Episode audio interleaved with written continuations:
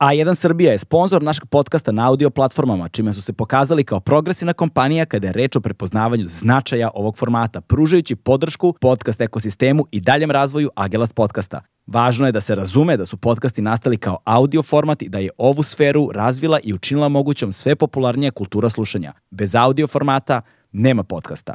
Prijatelj našeg podcasta na audio platformama je i domaći modni brand Legend Worldwide. Prepoznatljiv džins, udobna lifestyle odeća i neupitan kvalitet definisali su brand Legend Worldwide tokom skoro tri decenije uspešnog poslovanja. Be a legend, not a follower.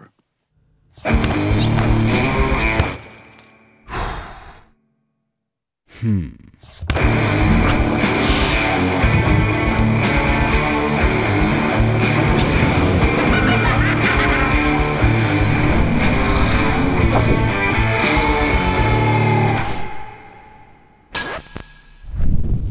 Čovek koji je ceo svoj profesionalni vek proveo baveći se spoljnom politikom i bliskim istokom kao novinar i višegodišnji dopisnik iz Kaira, a bavio se između ostalog ratom u Libanu, islamskom revolucijom u Iranu, kao i izraelsko-palestinskim sukobom, što je tema današnje epizode. Nalazio se na obe strane iransko-iračkog rata, a prvi zalivski rat je pratio i Saudijske Arabije. Tokom 1984. godine radio je za Washington Post sa urednikom koji je bio na, na čelu čuvene Watergate afere, odnosno u objavljivanju čuvene Watergate afere. Pet godina je bio stalni dopisnik iz Kajra i četiri godine iz Rima, a izveštavao je i o intervenciji u Afganistanu, ali i o ratu u Iraku. A tema ovo nedeljne epizode, kao što sam rekao, biće izraelsko-palestinski sukob. Ali će najveći fokus zapravo biti na onome što mnogi ljudi ne znaju. To je njegov istorijat i razvoj ovako kompleksnog odnosa koji ne pokazuje, nažalost, znake skorog razrešenja. Naš sledeći gost, Boško Jakšić, novinar. Uživajte. Boško Jakšić, veliko je zadovoljstvo i čast. Dakle, još jedna osoba uh, čije gostovanje mogu da upišem crvenim slovom u svoj kalendar ovde za poslednje četiri godine. Ovaj, zaista je veliko zadovoljstvo. Nemojte crveni slovo. Kojom bojom onda? Nema veze, ali okej. Okay. da, dovoljno je ovo da, bilo dovoljno, da, je, da, da je jasno, čast. Jasno, jasno. Ovaj, um, ovde smo da bismo razgovarali uh, naravno o situaciji koja se trenutno dešava, mislim trenutno eskalira, jel te, u, u, u pojasu Gaze, ovaj, u izraelsko-palestinskom odnosu, odnosno sukobu, ali takođe um, da kada sam razmišljao o tome da se pozabavim ovom temom, ono što mi je mnogo važnije u ovakvim formatima razgovora koji su otvoreni, koji traju ovako dugo, je to da na jednom prostoru, na jednom mestu možemo da ispričamo zapravo onu širu sliku, celokupan kontekst, nešto što zaista nema prostora na mnogo mesta da se čuje i da se pronađe. S jedne strane za publiku, mlađu populaciju koja nije upoznata sa situacijom, s druge strane sa ljudima koji znaju po nešto, možda prate aktualno dnevno političku situaciju i naravno da bude nešto zanimljivo i za one koji su dosta dobro upućeni u samu temu. Kada sam razmišljao o tome ko bi mogao da bude gost, ovaj, ovom prilikom želim se zahvalim Momiru iz Vremena, ovaj, koji, mi je, koji, mi je, koji mi je predložio vaše ime. A, zaista je teško naći nekoga ko se spoljno političkim odnosima istorijom a, i širim kontekstom koji iziskuje i društveni, politički, kulturološki, verski, razno razni kontekst, nekoga ko, ko barata svim tim temama i ko je posvetio svoj život razmišljajući, pišući i govoreći o tome. Ovaj, vaše ime je jedno od redkih koje zaista stoji na tom spisku. Spisak je vrlo mali. Nažalost. Pa jeste, zato što ja se osjećam moram da kažem kao poslednji dinosaurus pred udar meteorita. Ali ima više objašnjenja zašto je to tako. Dakle, u vreme kada sam ja profesionalno odrastao i razvijao se, a, radeći pre svega za politiku koja je bila, mogu da kažem, admiralski brod spoljno-političkog novinarstva u čitavoj bivšoj Jugoslaviji, mi smo imali u jednom trenutku čak 15 dopisnik iz inostranstva stalnih, plus ljudi iz redakcije poput mene koji su odlazili na, u razne misije, a, što je bio izraz jednog opšteg raspoloženja a, jugoslovenski samoupravljači su bili veoma zainteresovani da znaju šta se radi po svetu. Dakle, ne samo po nesvrstanom svetu, što je bila dogma e, zvanične politike, nego je zaista postojao taj interes e, da se zna sve neki ti globalni e, procesi i tokovi. Moram da priznam da se posle ratova koji su ovde bili, dakle, tada se svet preselio na ovaj prostor. Mm. I mi smo bili epicentar događaja nekoliko godina, rat u Bosni posebno. Posle toga, kada, kada je svet otišao odavde, mi smo ostali svi nekako, rekao bih, etnocentrički raspoloženi. Više nas svet nije zanimao. Istovremeno su o, medijske kuće, posebno ovih štampanih medija, bile zahvaćene krizom kao što je bio jedan globalni uh, nešto što se po svetu događalo pod uticajem naleta elektronskih medija, novih uh, tehnologija, uh, društvenih mreža i tako dalje. I nije bilo para više. Dakle, nije bilo para ne za stalne dopisnike da ih držite po svetu, nego čak ni za ova ad hoc putovanja. Mm. I kada se sve to sabere, mi zato uh, nemamo neke nove naraštaje koji bi se u profesiji novinarskoj bavili nekom ne, uh, čak i, i šire spoljnom politika, a kamoli da su bili specijalisti, ne znam, za bliski istok kao, kao što slovi da sam ja, ili za Afriku, ili za Kinu, ili za Rusiju, za zapadnu Europu, Ameriku, sve jedno.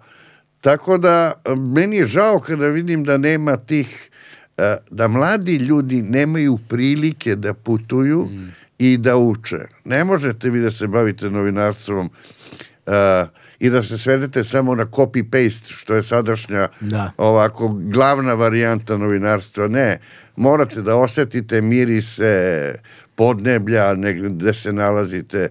To je nezamenljivo. Apsolutno tačno. Tri stvari su negde nestale koliko sam primetio poslednjih 15-20 godina iz medijskog ekosistema koje su učinile da stvari budu takve kakve jesu, a to su vreme za priču, a, sredstva za pravljenje, istraživanje priče i ljudi koji će na toj priči da rade.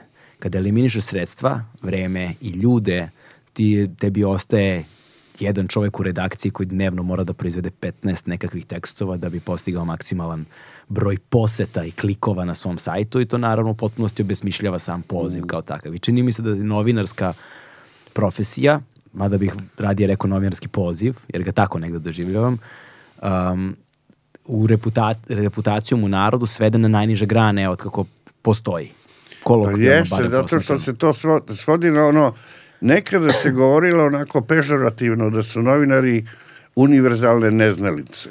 Dakle, neko ko se stav, danas se bavi ovim, sutra onim, a onda je bio taj period nekih specijalizacija, da. gde nije to moglo da se kaže, ali ne samo za spoljnu politiku, nego i unutrašnjoj, unutrašnjim zbivanjima vi ste imali ljude specijaliste za penzije, da. za zdravstvo, za kriminal, za uh, politički život. Sada, sada je zaista sve gotovo Leonardo da Leonarda. Da, da, da. Dakle, jedan dan mogu da se bavim problemima u Južno-Kineskom moru, sutradan ću da se bavim zdravstvom, preko sutra sam nutricionista i tu onda nema, nema leba, mislim, nema kvaliteta. Jasne. Bez obzira što se vi malo brifujete preko uh, interneta, ali a, znanja dubinskog tu nema.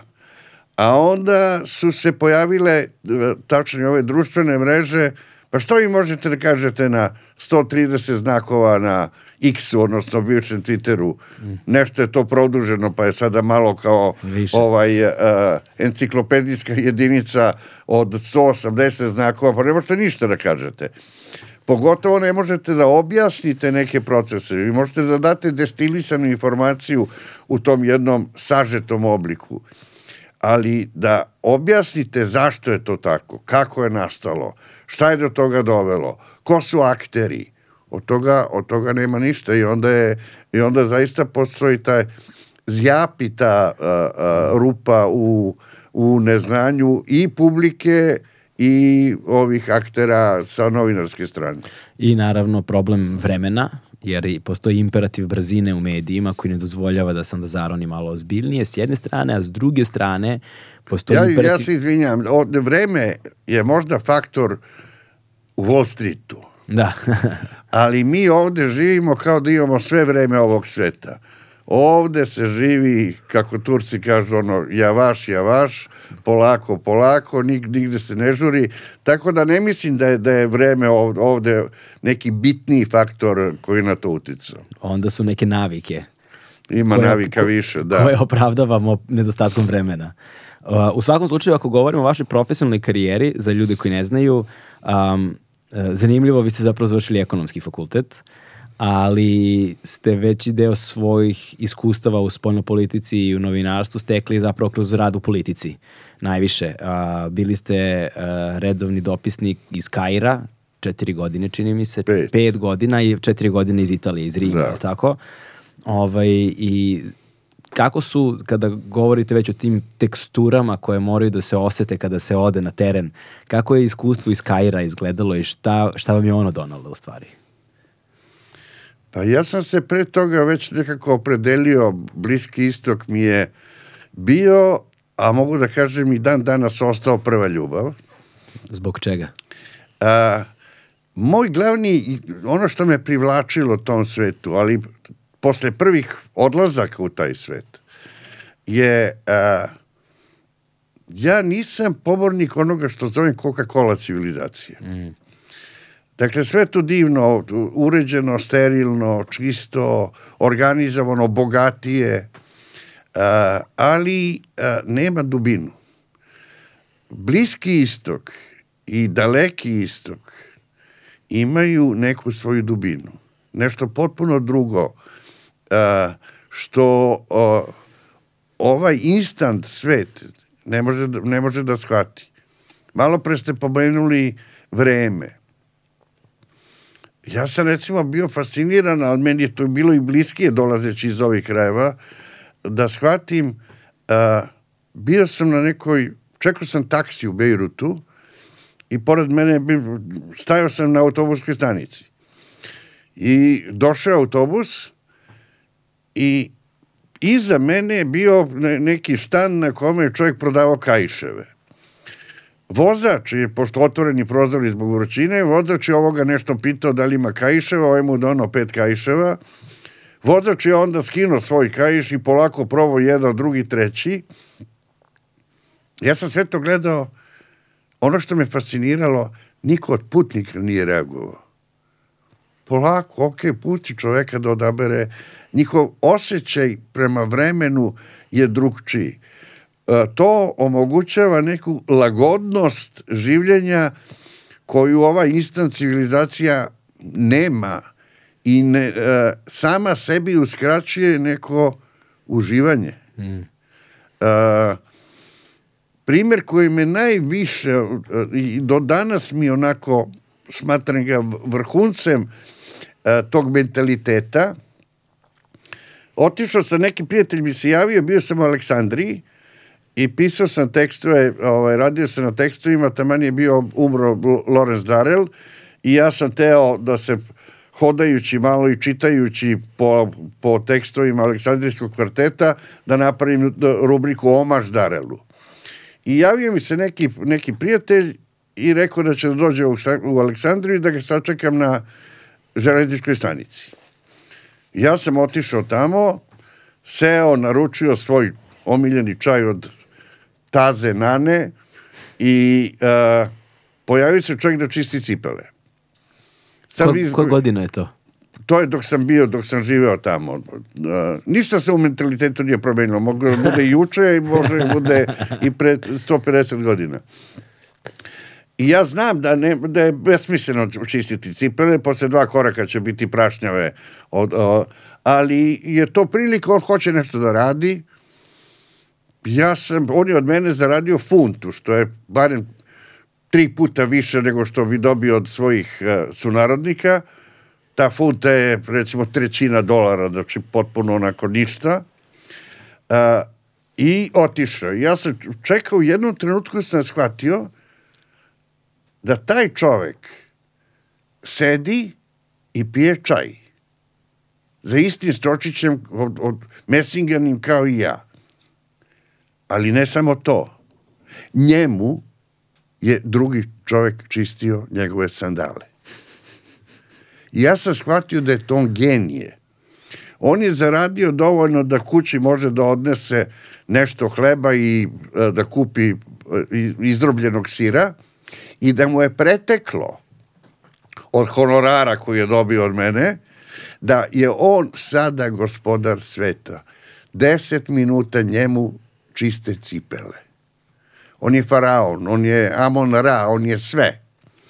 I onda sam razmišljao, eto, to je ta ilustracija između svetova. Onda sam pomislio šta bi mu jedan holandski protestant rekao.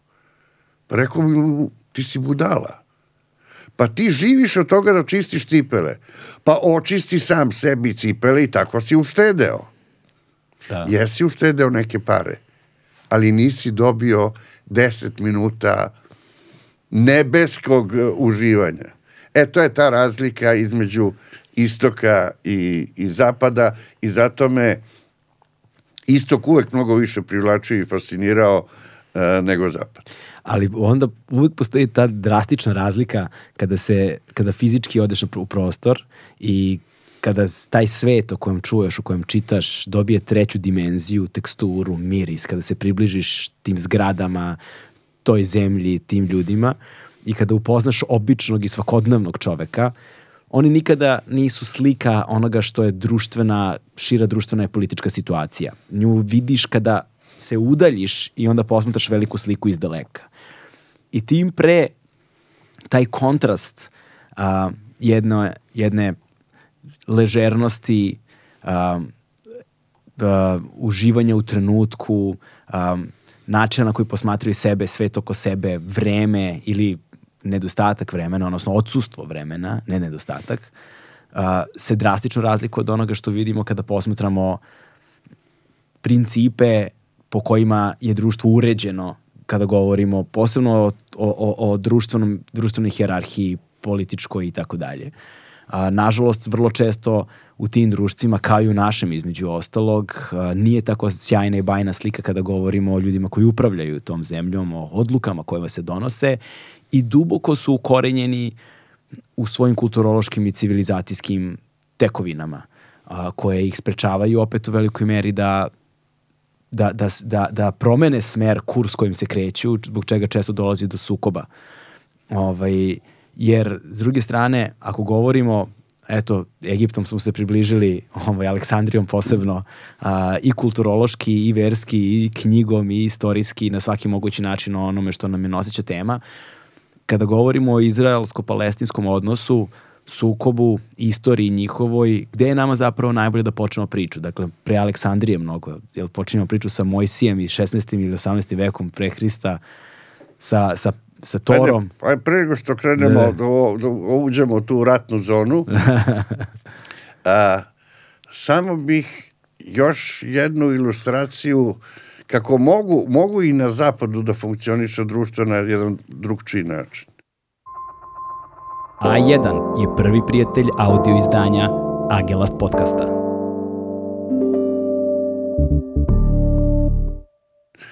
A, bio je nekada svojevremeno Lord Darendorf koji je bio predsednik Evropske komisije i obožavao Italiju. Mm -hmm. Imao je i kupio i kuću u Toskani. Jedan puta kad su ga pitali zašto toliko voli Italiju. A on je rekao, zato što volim društva koja ne žive u skladu sa svojim vladama. Mm, baš to. Dakle, ta mogućnost da vi organizujete sebi život, a da političari tamo u svojoj orbiti se tuku, raspravljaju, svađaju, psuju, a, a, je nešto što je fantastično. Mm. Zato mi često zavidimo tim društvima jer ovde je politika u svakoj pori uh, života, od, od nekoga ko je ciglar do medicinske sestre do uh, profesora. Uh, a ovde je odvojeno. Ja živim svoj život Oni neka žive svoj život. Ali preduslov za tako nešto, i zato mi to nemamo, i ko zna kad ćemo imati, to je organizovano društvo koje, koje funkcioniše po nekim svojim uzusima mimo sveta političara koji je nije on zagađen samo kod nas. On je zagađen u mnogim drugim zemljama je, je politika čak do te mere danas nepopularna da mladi ljudi izbegavaju da se bave ovaj tom disciplinom. Da, to je, to je jedna stvar koju sam primetio, uh, ja baš volim jugoistočnu Aziju i obilazio sam tamo i idemo često i u Vijetnam. A u Vijetnamu, na primjer, je apsolutno ista situacija. Politički posmatrano na papiru, to je potpuna katastrofa. da, da, da, da, da, da. Politički, ali kada odeš tamo i kada vidiš kako ti ljudi zapravo mm. žive, oni potpuno mimo tog sistema žive. Apsolutno ti ne doživljavaš To su srećnije zemlje. Da, a s druge strane, a ima, a ima to potpuno represivnih metoda, tipa svakoga dana oko šest posle podne ti čuješ vesti na razglasima po banderama svuda, mm. ali niko živi na to ne obraća pažnju. I onda je fascinantno posmatrati te dihotomije, te binarne opozicije, ne znam kako bih ih nazvao više, ali prosto postoje dva lice i naličje ovaj, tog sveta i oni žive kako su oni navikli, kako su oni odabrali u svom nekom sistemu, a to se vidi u saobraćaju kod njih, to se vidi u svakoj pori društva. Tamo je crveno svetlo, op, jedan smer, opcionalna stvar. da, da, da, semafori su više i kebane nego, nego... nego znakovi, da, da, koji regulišu saobraćaj. Da, da, da. da. Toga sam se nagledao po, po Aziji, po u krajnjoj liniji od Istanbula pa nadalje da je haotičan saobraćaj i nešto. Ali taj saobraćaj e, nama izgleda kao haotičan. Mm. Ali on ima pravila svoje, čvrsta pravila. Vrlo čvrsta, da. A, nije bitno da li je glavna ulica ili sporedna ulica. Bitno je da ti svojim automobilom osvojiš ovoliki prostor, da si ušao ispred njega. Tako je. I gotovo, ti imaš, ti imaš prednost. Dakle, ko to nauči, vrlo lako će, ja sam vozio po Kairu, nikad nisam imao probleme, a imao sam neke moje prijatelje koji su nervne napade dobijali od... Uh, apropo semafora, uvek sam se plašio uh, noću, kako su široke avenije, pa onda može brže da se, da se vozi. Plašio sam se svog zelenog svetla.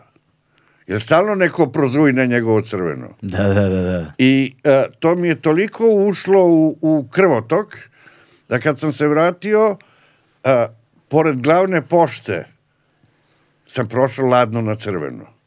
I zaustavi me, me policajac kaže, znate šta ste uradili? Ne znam. Pa prošli ste na crveno, na glavnoj raskrstici, ne znam kako sam uopšte uspio da prođem. I ja kažem, izvinjavam se, ja sam dugo živao u Kairu, tamo svi prolaze na crveno, I onda A to je ovde bilo? Ovde. I onda ove rekao, u redu, samo, ok, samo da znate, više niste u Kairu i stanite na crveno svetlo. Dakle, to je... Jasno, da. Uh, Ista stvar, samo u Aziji su motori. Jeste, jeste, da, da. jeste, jeste, da, da, tih motora ima... Kao mravinjak, kao mravinjak izgleda sa strane, kad posmatraš straobalno, yes, yes. ali jednom kada se uključiš, ima neki svoj tok, ima neko svoj prirodu, ima, ima postaneš sve, deo yes. te mase i krećete se da, tako da, da, i nema da, nikakvih problema. Neverovatno, oni žive na tim motorima, spavaju na njima, mm. nose bebe u naručju, ono cela porodica, njih petora na motoru. Pa ja sam se isto nagledao to na jednom motoru i to mali motor. Da, da, da. da, da. Ono, petoro, sve ko sendviči ovako, dete, pa muškarac, pa dete, pa da. žena, pa dete. Tako. Mislim, e, baš to. I onda se vratiš ovde, ne umeš da voziš. Da, da, ne umeš da, da voziš, ne umeš da voziš. Ali hajde mi da, pošto nažalost imamo ograničeno vreme, koje nije malo, ali bez obzira i dalje ograničeno, tema je izuzetno uh, uh, kompleksna i velika da bismo došli do aktuelnih događaja i da bismo došli do onoga što aktuelni događaji potencijalno impliciraju ili ne impliciraju, da bismo mogli njih da prokomentarišemo, moramo prvo da razumemo kontekst. A kontekst je strahovito širok i izuzetno kompleksan i, i ima nekoliko paralelnih linija. A, čini mi se da su nam negde, možda vi ćete mi ispraviti, tri ključna toka razgovora ovde. Jedan je verski, jedan je kolonijalni, to jest postkolonijalni, i jedan je ovaj savremeni ovaj, u kojem ćemo govoriti nešto kasnije. Pa, hoćemo da počnemo.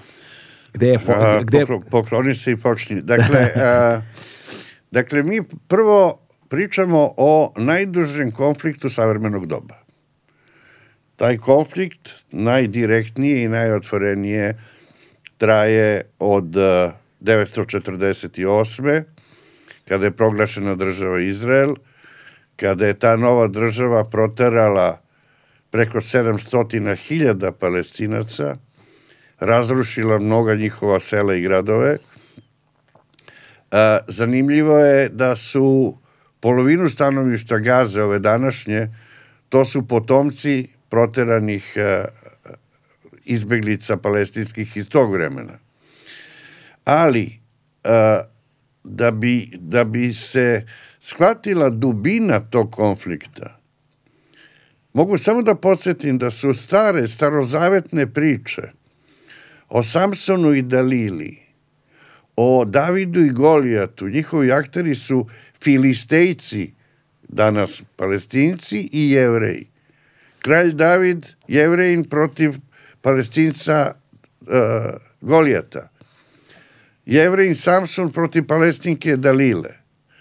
Onda je oni su uspevali da žive u nekom relativnom mirnom suživotu, posebno od kako su posle, posle rušenja uh, Solomonovog hrama tamo 70. godine uh, nove ere jevreji bili masovno proterani. da.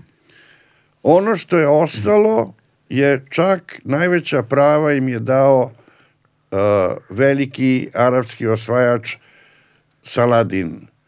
On je prihvatio jevreje, dao im je sva prava kad je, kad je u krstaškim ratovima pobedio i zauzeo Jerusalim. I tu vekovima nije bilo nikakvih problema.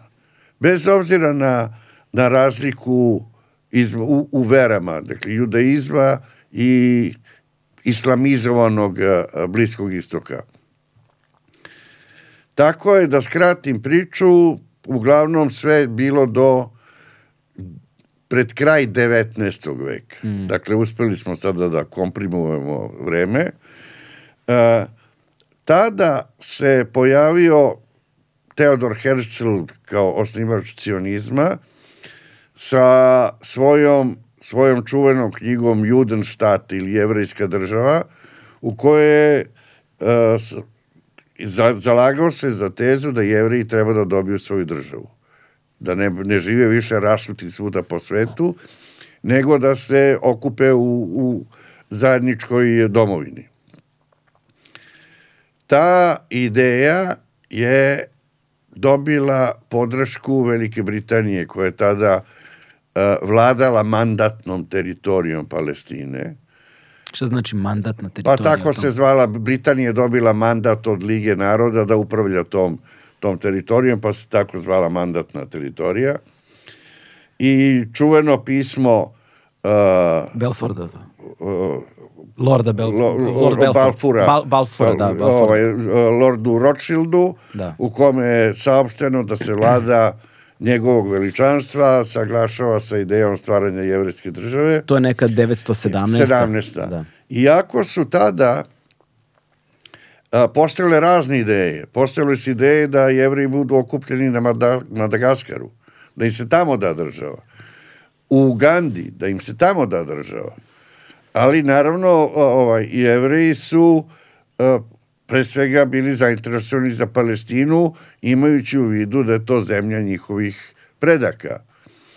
I tada je krenulo polako naseljavanje a, Palestine, a, s tim što je još uvek ogroman procenat ve, većinski bio palestinaca, a manjinski jevreja.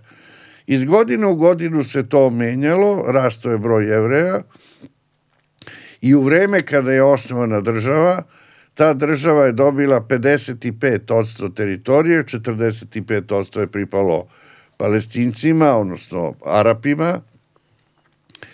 A, dakle, stvorene su dve države. Ka- Kako je, samo, Mi- samo, samo sekund, kada kažemo da su dobili, št- šta to podrazumeva? na koji Dobili način, su, od koga? dobili su od Ujedinjenih nacija, od, od, od. Lige naroda, a, da se ta teritorija podeli i da, a, a, da svako ima svoju državu. Arapi nisu teli da prihvate takav plan, plan podele. I četiri arapske armije su odmah napale novostvorenu izraelsku državu i jevri su pobedili.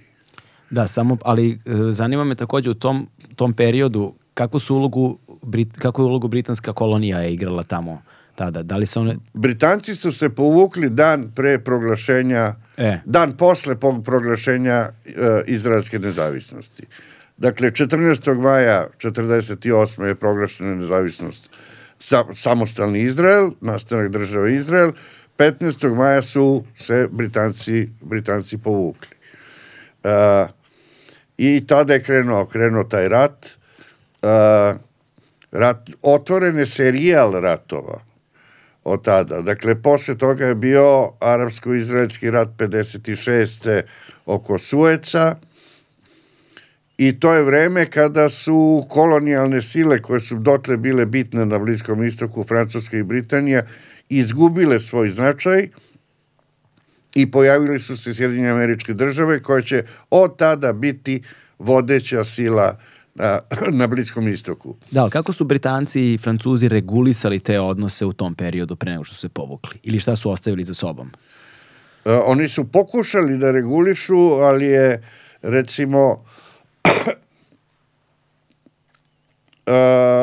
jevrejske tajne organizacije kao Irgun pa Štern ko, koje, u, koje su dale veliki broj kasnijih premijera i načelnika generalštava i tako dalje njima je glavna meta nisu u tom trenutku bili uh, Arapi nego upravo Britanci koji su pokušavali da zadrže status quo i poznata je ostala ona ma, uh, ogromna diverzija kada je pola hotela Jerusalimskog kralj David uh, srušeno i kada je stradalo više od 200 britanskih oficira i vojnika kojim je tamo bio štab.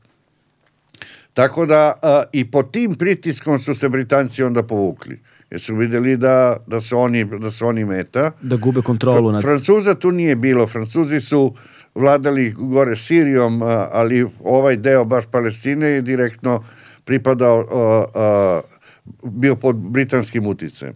Dakle, stvara se država, prvi rat dobijaju jevreji, drugi rat se preseca, 56. presecaju ga Amerikanci, ulaze na taj teren, imamo rat 67. godine, kada je Izrael u munjevitom ratu od šest dana ponovo porazio četiri, četiri arapske armije na jedan ponižavajući način i trauma tog rata je, mislim da se Arapi ni, ni dan danas nisu oporavile od te, od te traume tako jednog... Da, da, zaustavio bih se tu na trenutak zato što zanima me šta znači na ponižavajući način i zanimljivo je da zapravo ovo je proglašenje rata koje je sada koje se sada desilo je prvi put od tada, je li tako? Znači nije bilo da je Izrael zvanično proglasio rat uh, od tog trenutka na ovamo nije bilo zvanično. Ne, nikada, nikada do sada Izrael nije proglasio rat palestincima. Da. Dakle, bilo je ratova, ali to su bili ratovi sa Arapima. Da. A ovo je sada prvi put da je Izrael proglasio rat uh, palestincima. Tako da, a kažem ponižavajući, zato što u šest dana poraviti, po, poraziti uh, četiri armije, uništiti im kompletne vazduhoplovstva, sa ogromnim ljudskim gubicima je zaista bilo ponižavajuće za, za, za Arape. Nisu očekivali uh, takav. Onda je Egipat pokušao da povrati deo tog povređenog ponosa 73. godine je Egipat krenuo takozvani Jom Kipurski rat, nazvan po najvećem, jednom od najvećih jevrijskih praznika. Iznenadio je uh, Izrael, uh, ali veštim manevrima uh, Izraelci su uspeli da ono što su gubili u početku da nadoknade i kada je zapretilo da su da će uh, izraelske snage preći preći Suec i krenuti ka Kairu, onda je potpisano primirje i faktički uh, Egipat je ponovo bio poražen, iako i dan danas tamo slave da je to pobeda. A, a Izraelci to pamte da im se prvi put dogodilo da budu tako zatečeni. Sada smo svedoci da su drugi put bili tako zatečeni ovim napadom Hamasa, da se to nikada do, ranije nije dogodilo. I to je a, sve to vreme a, sve to vreme je trajala okupacija palestinske zemlje, pogotovo onih teritorija osvojenih u ratu 67. A to je tada od Sirije uzet Golan, od Egipta a, Sinaj i pojas Gaze, a, a od Jordana zapadna obala i, i, i kontrola starim gradom Jerusalima. A, svi pregovori, a njih je bilo ne znam koliko, nikada nisu urodili plodom. Svi su manje ili više propali, iako su 93. tadašnji palestinski lider Jasar Arafat i predsednik i premijer uh, Izraela, tadašnji Šimon Perec i Yitzhak Rabin, podelili Nobelovu nagradu za mir. Mm. Oni su podelili Nobelovu nagradu za mir, mira i dalje nije bilo. I mira nema, nema ni danas. I to je, to je jedna ukleta priča koja je obeležena visokim stepenom represije palestinaca, nemogućnošću da ostvare ono sa čim se najveći deo sveta složio, a to je da to rešenje konflikta treba da bude po formuli dve države. S jedne strane jevrejska država, s druge strane palestinska država. Međutim, to i Amerikanci kao najveći saveznici Izraela podržavaju. Ali od kako je Netanjahu jedan, jedan onako izuzetni desničar na vlasti, a na vlasti već 16 godina, a, faktički on sve uradio da, da blokira tu ideju, mirovni pregovori koji su trajali a, ne postoje već 10 godina, a, članovi Netanjahovog kabineta, među njima su ultra desni religiozni cionisti i nacionalisti, koji ne da a, osporavaju ideju dve države, osporavaju ideju palestinske države, nego čak, se čak zalažu da se anektira a, teritorija zapadne obale na kojoj bi ta država trebala da bude. A, sve se čini da se jednom a, kolonizacijom tih a, zemalja da se, da se teritorija oduzmu palestincima. Mm -hmm. Dakle, u, u, u naseljima na zapadnoj obali koje je svet proglasio za ilegalne, već živi pola miliona jevreja. Još 200.000 na obodima istočnog Jerusalima koji bi trebalo da bude glavni grad palestinske države. Dakle, svakim danom smo sve dalje u, i u tehničkom smislu te reči od ideje palestinske države. I Ja sam često u Izraelu pitao Izraelce, dobro, jeste vi svesni da vi od palestinaca pravite jevreje? Oni prolaze put kojim ste vi prošli. Bili ste proganjani, bili ste raseljavani, uh, niste imali zemlju. Dakle, mnogo toga je slično. Uh, palestinci su najobrazovaniji među Arapima.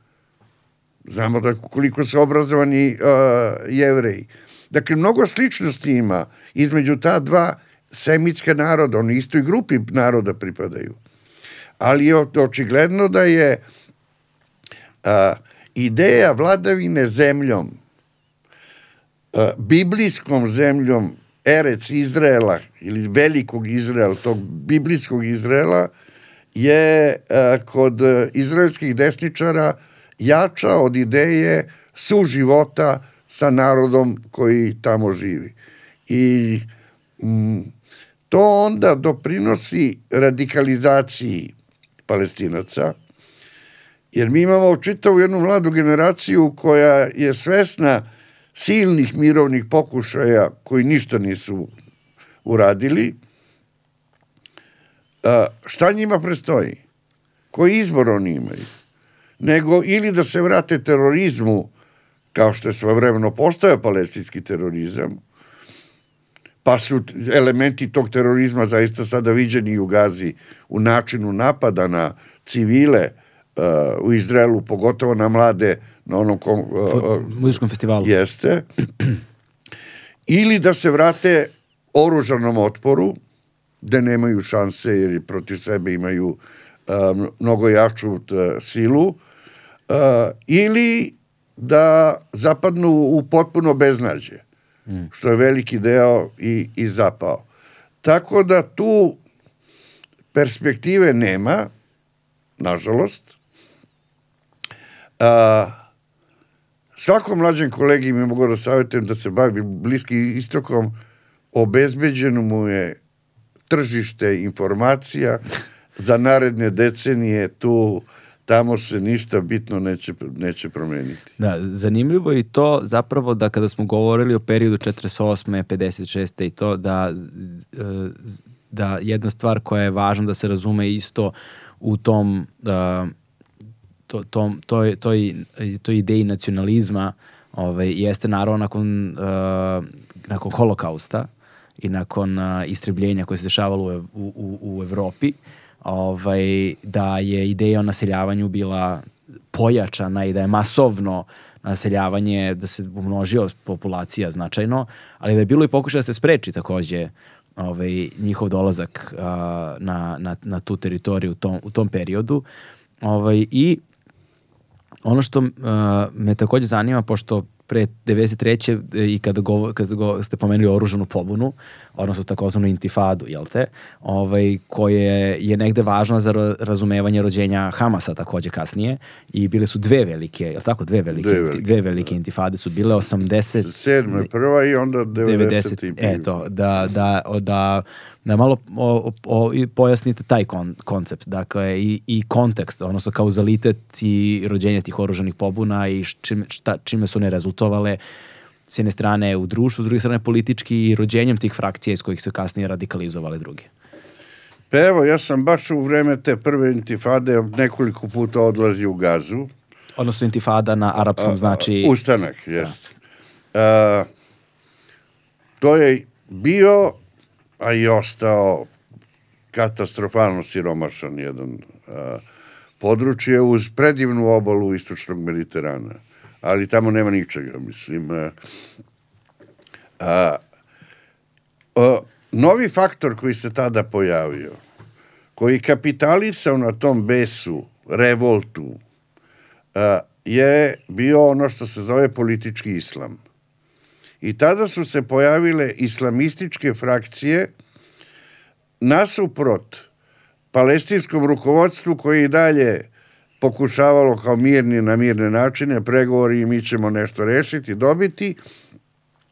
Ovi su shvatili da od toga nema ništa i radikalizovali su čitavu situaciju, pokrenuta je ta i prva pa posle i druga intifada i e, tada se javlja Hamas tada se javlja palestinski islamski džihad. Da, samo šta... Ono što je zanimljivo, e, što relativno malo ljudi zna, a to je da u vreme kada je nastao Hamas, gotovo da je bila javna tajna da taj Hamas podržava Izrael i uh, njegova tajna služba Mossad.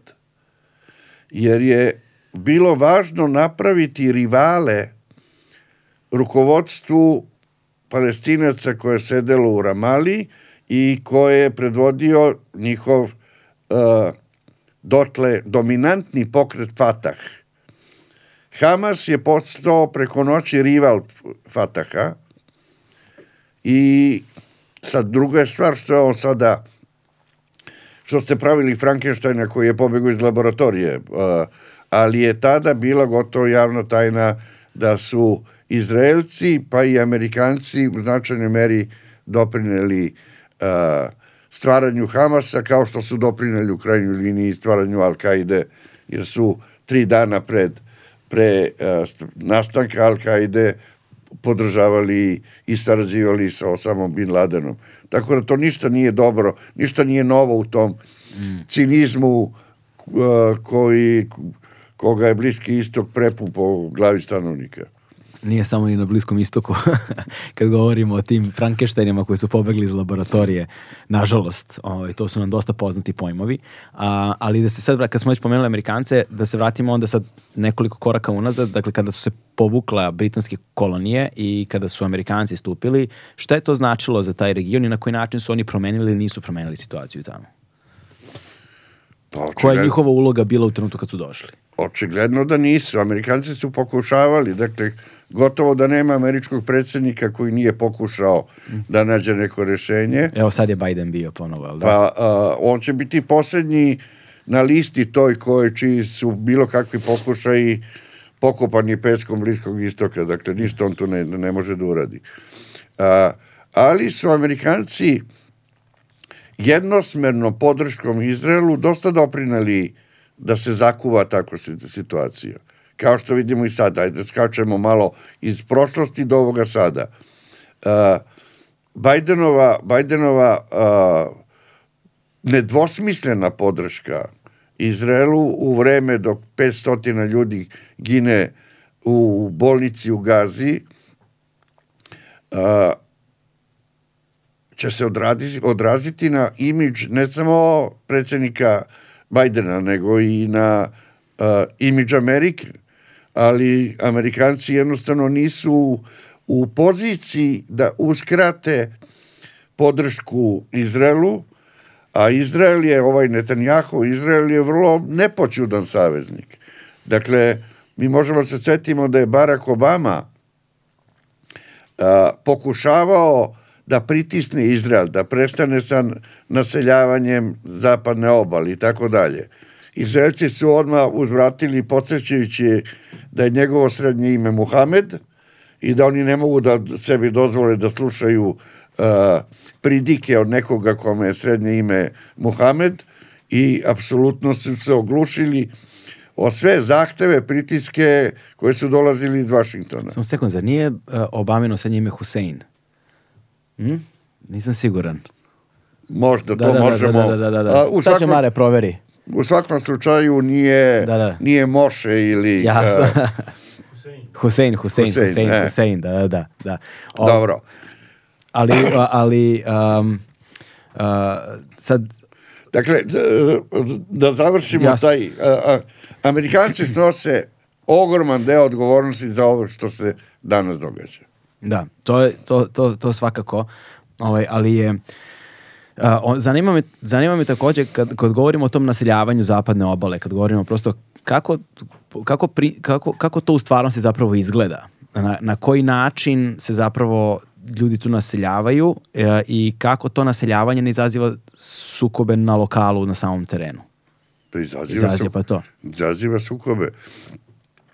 Izaziva sukobe a, do te mere da je između ostalog zašto je izraelska armija bila ovako iznenađena od Hamasa, zato što je značajan deo te armije, umjesto da bude na frontu na jugu i da štiti jevrejske kibuce duž granice sa Gazom, a, bio angažovan, te jedinice su bile angažovane na zapadnoj obali da štite naseljenike koji se inače zovu ih mladež sa brda, to su ti mladi naseljenici, koji i da armija štiti dok oni otimaju izvore sa pitkom vodom a, palestincima. Dakle, a, tamo se, tamo se sve radi, e, ova godina i prošla godina su bila eskalacija tog naseljeničkog nasilja. Dolaze, uzimaju teritoriju, prave naselja. Sa- sa- to me- to me- pale, pale e, palestincima, pale kuće, isteruju ih iz njihovih domova, pale maslinjake i, i vinograde, uzimaju zemlju. Dakle, pomenuo sam Tako i da, to- izvore sa vodom. Da. I to je taj jedan proces uh, gde uh, nikada do sada toliki broj mrtvih palestinaca uh, nije zabeležen kao da su žrtve naseljenika, a ne izraelske armije. Ali izraelska armija uh, to gleda nemo. Niko od onih koji je počinio zločine nije odgovarao pred sudom. uključujući ni one vojnike koji su ubili novinarku Al Jazeera, pa se podigla velika prašina po svetu, ali niko nije odgovarao. Dogod to tako traje, dotle, dotle neće biti rešenje. Da, sad mo- možda će zvučati glupo, ali kada razmišljamo na običnom ljudskom nivou, ovaj, ka- kako izgleda, kao, kao ko su ti ljudi koji se zapravo doseljavaju u taj u, u, u takvu jednu zonu. Sad mene neko da pita da se doselim negde gde se, se takve stvari desilo, ja bih rekao neću šta ću tamo da radim. Pa, Prosto, o strukturu od tih naseljenika uglavnom su to oni koji su došli iz Sovjetskog saveza, Uh, dakle, iz tih delova uh, istočne Evrope, koji su tvrđi, konzervativniji i desniji od mainstreama u Izraelu, uh, a oni su stimulisani tako što uh, država daje veoma povoljne uslove za kuće, za uh, sve ono što im treba za investicije da bi se okućili i, i tamo živeli, mimo toga što im pruža uh, fizičku zaštitu. Tako da uh, oni plaćaju niže poreze ako uopšte plaćaju poreze, tako da ima različitih sredstava uh, načina na koji se oni uh, privlače da, da odu na, na zapadnu obalu. e, to me zanima, da, da, to me zanima. Pošto to, to, o tim pojedinačnim stvarima ne znam zaista, ovaj, ne, znam, ne znam ništa, osim onoga što viđam kroz popularnu kulturu i kroz neke onako letimične poglede na određene stvari, ali mi ovako zna- znači mi da, da, da znam principe po kojima to funkcioniše. Jer zapravo ta kako bismo rekli, str- mreža strategije je jako široka. Nivoi na kojima se zapravo vrši represija i taj uticaj, uticaj je ono rasprostranjen on od pojedinca do, do, do, do najviših instanci i da se vrši pritisak neprestano sa svih strana tu. Da, da. Apsolutno bez, be, bez, Sistematski. Sistematski, da, bravo, sistematski. Ovaj, e sada, a, kada ste rekli pol, politički islam, šta to znači? Pa politički islam još uvek a, se mnogi raspravljaju oko definicije šta znači zaista politički islam, koga on zastupa, a, šta stoji iza njegovih ideja. A, ono što je a, ono što je bitno znati, islam je zaokružen sistem života.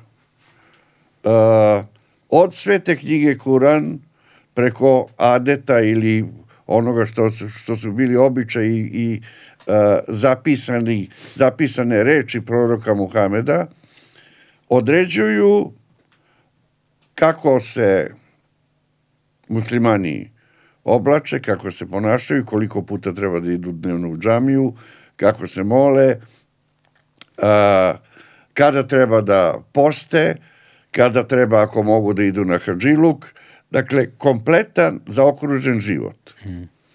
A, nelogično bi bilo očekivati da onda, ako islam toliko utiče na sve pore života, budi isključen iz politike. A, što u značajnoj meri jeste bio, jer je tu političku, ta politička uloga je bila kovertirana i data kraljevima, tiranima, despotima, ko- kome god i, i tako je stvar e, završavana. E onda se pojavio taj politički is- islam, pre svega e, identifikovan sa pokretom muslimanska braća, koji je nastao 30. godina prošlog veka i to je bila prva politička organizacija islamske provinijencije.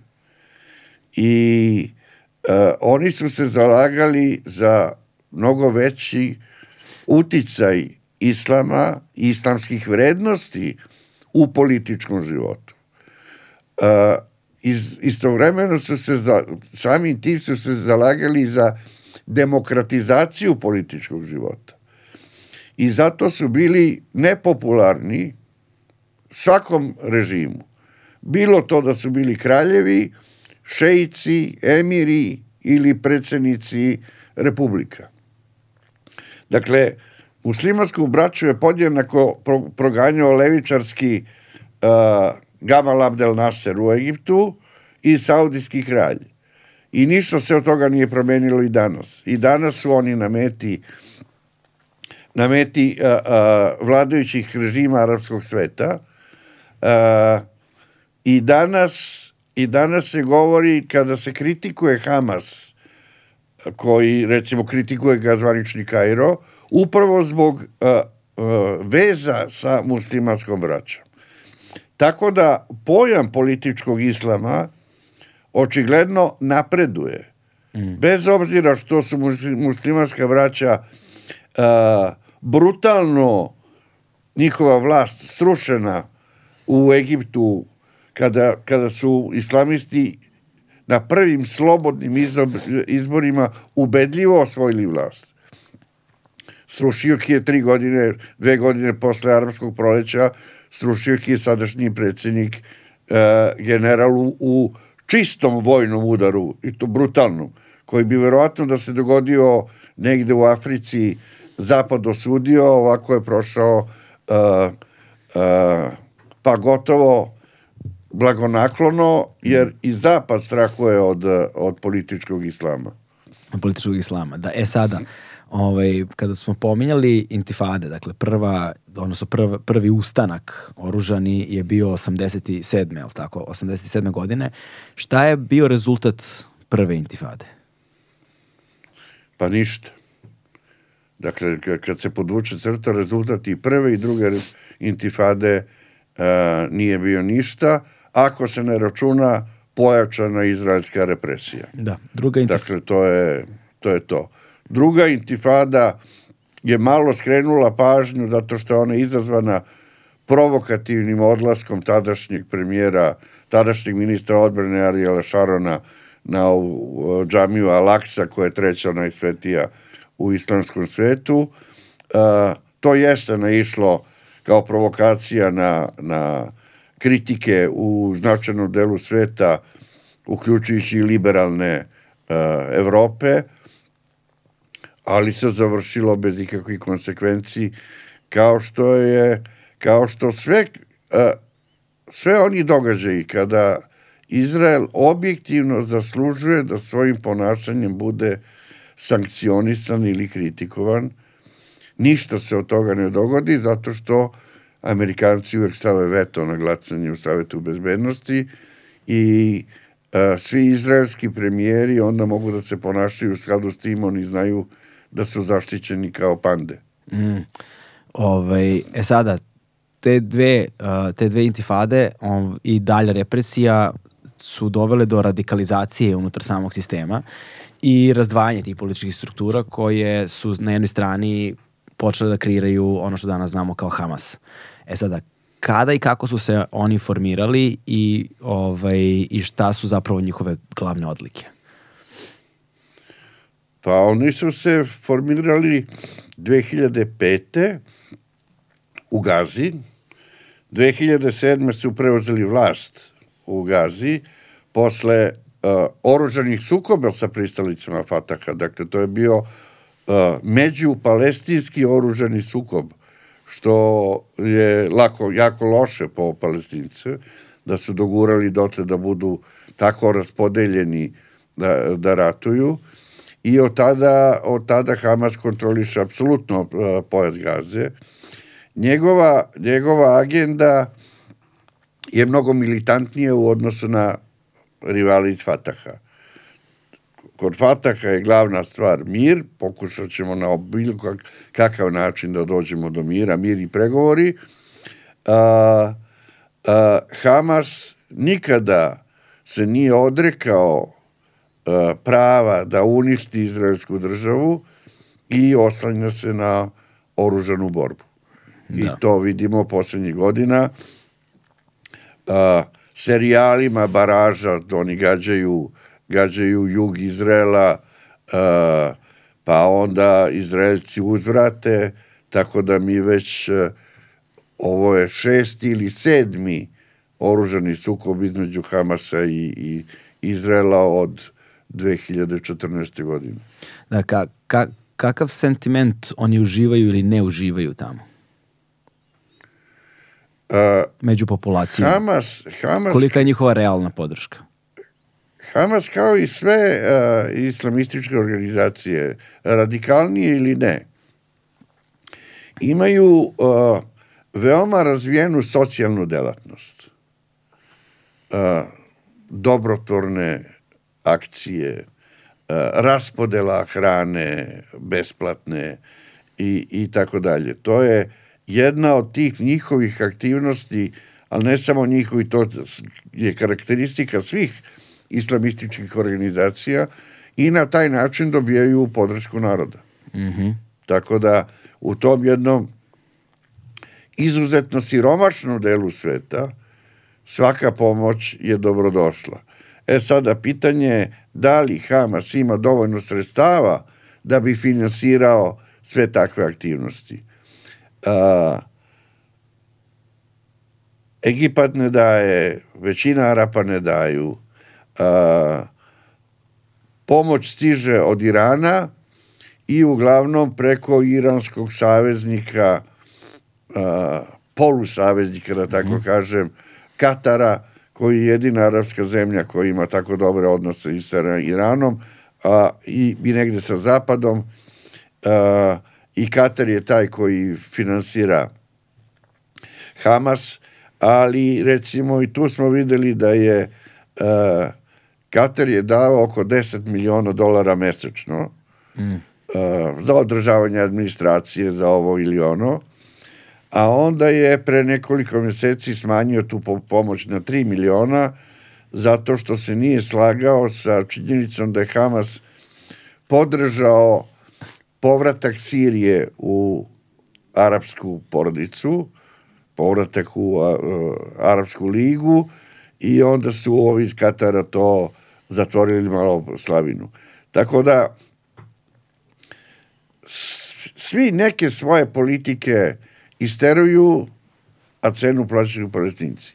Koliko god to zvučalo kao frazeološki, ali Da. to, a, ja kada sam počeo da se bavim Bliskim istokom, onda je, tada sam prvi put čuo da su arapska braća spremna da se bore za palestince do poslednjih palestinca. I, nažalost, ništa se mnogo oko toga nije, nije promenilo. Da, u, u, u tim odnosima kad govorimo o Bliskom istoku u celosti, ovaj, zanima me takođe vaš ugao viđenja stvari, evo malo pre ste pomenuli Iran, zato što vi ste izveštavali takođe, sad malo skrećemo se teme i, i a, sa iransko-iračkog rata, ali, u tom, ali sa obe ra- strane. Ja sam prvo u Iranu bio prisustvovao smeni dolasku Hominija i odlasku Šaka, pa on tek kasnije i iransko-iračkom ratu, da, s obe strane.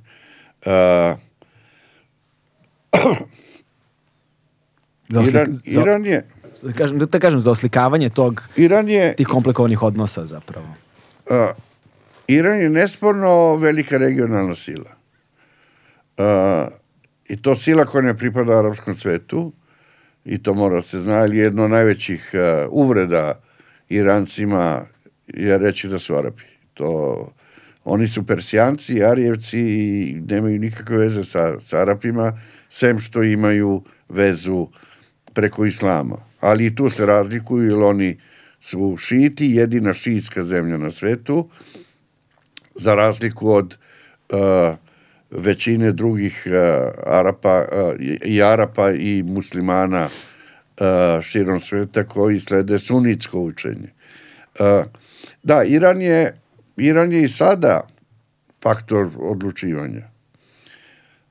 Ali faktor odlučivanja je i Turska, koja ima i tekako ozbiljne interese i ambicije da utiče na prostor kojim je nekada vladala Osmanska carevina Da. da. držala Bliski istok. Tako da mala bara puno krokodila, što bi se reklo. Da, ali uh, koji je uh, turski interes danas u, u celoj toj stvari? Šta znači da Turska ima interes?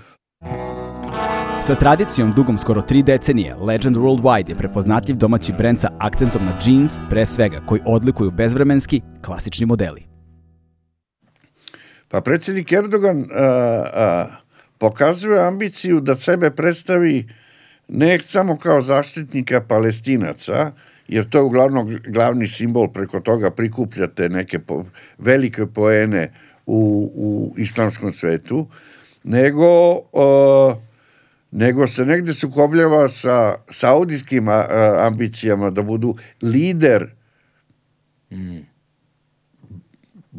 blizu 1,8 milijardi muslimana na svetu. Tako da Uh, Nije to mali broj. pa to je druga, posle, posle hrišćanstva, druga uh, religija na svetu i pritom najbrže u, uvećavajuća. Da. Što je isto zanimljivo. Tako da Turska tu ima svoje, ima svoje ambicije. Turska je, ne zaboravimo, fizički vojnicima prisutna u Siriji, da ostvaruje neke svoje interese. Uh, želi, želi da, da ima veći utisaj u Bagdadu, ne bili, ne bili blokirala kurde iračke koji prete da se udruže sa turskim kurdima. Tako da tu ima ta vektorska analiza Bliskog istoka, to idu strelice na sve moguće strane i, i teško je kao što se vidi izvući neku rezultantu. Da. To, to niko nije uspeo još u poslednjih decenija. Da, teško je zapravo snaći se uopšte i razumeti uh, prosto ono kada se ide linearno, hronološki, prirodu svih tih odnosa i razumeti koliko su oni delikatni i osetljivi, jer mora da se razume moraju da se razumeju nijanse i razlike koje je teško da neko može shvatiti ukoliko na terenu se nije susretao i sa razlikom u jeziku i sa razlikom u verovanju i sa ono i sa nečime što je nažalost tamo generacijski dug su, dug, su generacijski dugi sukobi koji traju, evo ako, ako nam je 1917. godina neka merilo, mi govorimo više od stotinu godina ono strahovitih sukoba koji Tako aktivno je. traju na, na jednoj vrlo maloj teritoriji gde, se na, gde, su, gde su se utemeljile tri najveće religije na svetu. Juriti logiku na Bliskom istoku je vrlo nepopularna disciplina. A, kad dođete na Bliski istok, svako ko hoće malo ozbiljnije da se bavi, sačeka a, a, klasika od vica za Bliski istok poplave su negde na Sinaju, svako pokušava da pobegne od vode i na obalama Nila se nađu uh, škorpion i kamila. I škorpion kaže, ja ne umem da, da plivam, Kamilo stavi me na, na grbu i prebaci me na drugu obalu Nila. Kamila kaže, ti si lut, ti si škorpion, uh, ugrišćeš me i onda, šta, potonuću. Škorpion kaže, Pa nije logika. Znam ja, ako te ugrizem, o, onda ću i ja da stradam. Dakle, nije logika da to uradim. Kamila ga primi na grbu, na polovini matice škorpion ujede Kamilu i Kamila kaže u ropcu, pa po Bogu, zašto si me u, u, ugrizao? A škorpion kaže, zato što je ovo bliski istok. e, ja, znam drugu, to... ja znam drugu verziju, kaže, pa zašto sam škorpija. E to, to neke neobjašnjive stvari meni ostalo u pamćenju na jugu Libana gde su neke barake Ujedinjenih nacija, snaga Ujedinjenih nacija, da i mi sada imamo neke vojnike. Video sam napisano ko bliskim istokom nije zbunjen, taj neće razumeti ništa. dakle, stanje opšte konfuzije uh, koji ima svoja pravila, kao ono što sam pomenuo saobraćaj, da.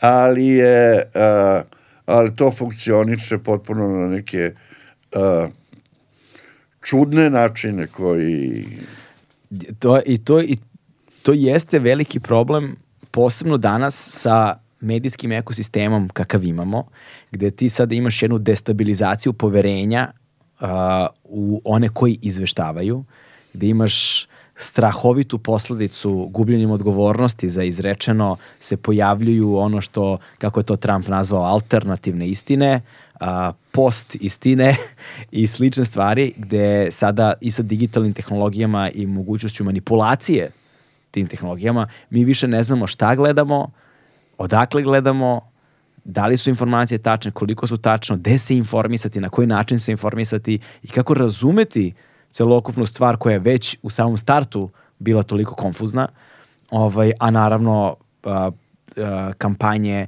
koje se pojavljuju kroz društvene mreže, njima se lako manipuliše, u to stvarno ono nema nikakvog smisla ovaj, i imati poverenje, onda se postavlja pitanje, evo, mislim, i za vas, kao, gde se vi informišete i kako vi saznajete, osim ukoliko nemate direktne informacije sa terena ljudi koje vas zovu? Ne, to, to nemam, ali uh, dakle, čitam maksimalno koliko mogu da čitam. Dakle, ja svaki dan pročitam barem jedno 15 sajtova koje sam stavio na listu favorites sa, Bliskog istoka, raznih sajtova, list novina i tako dalje.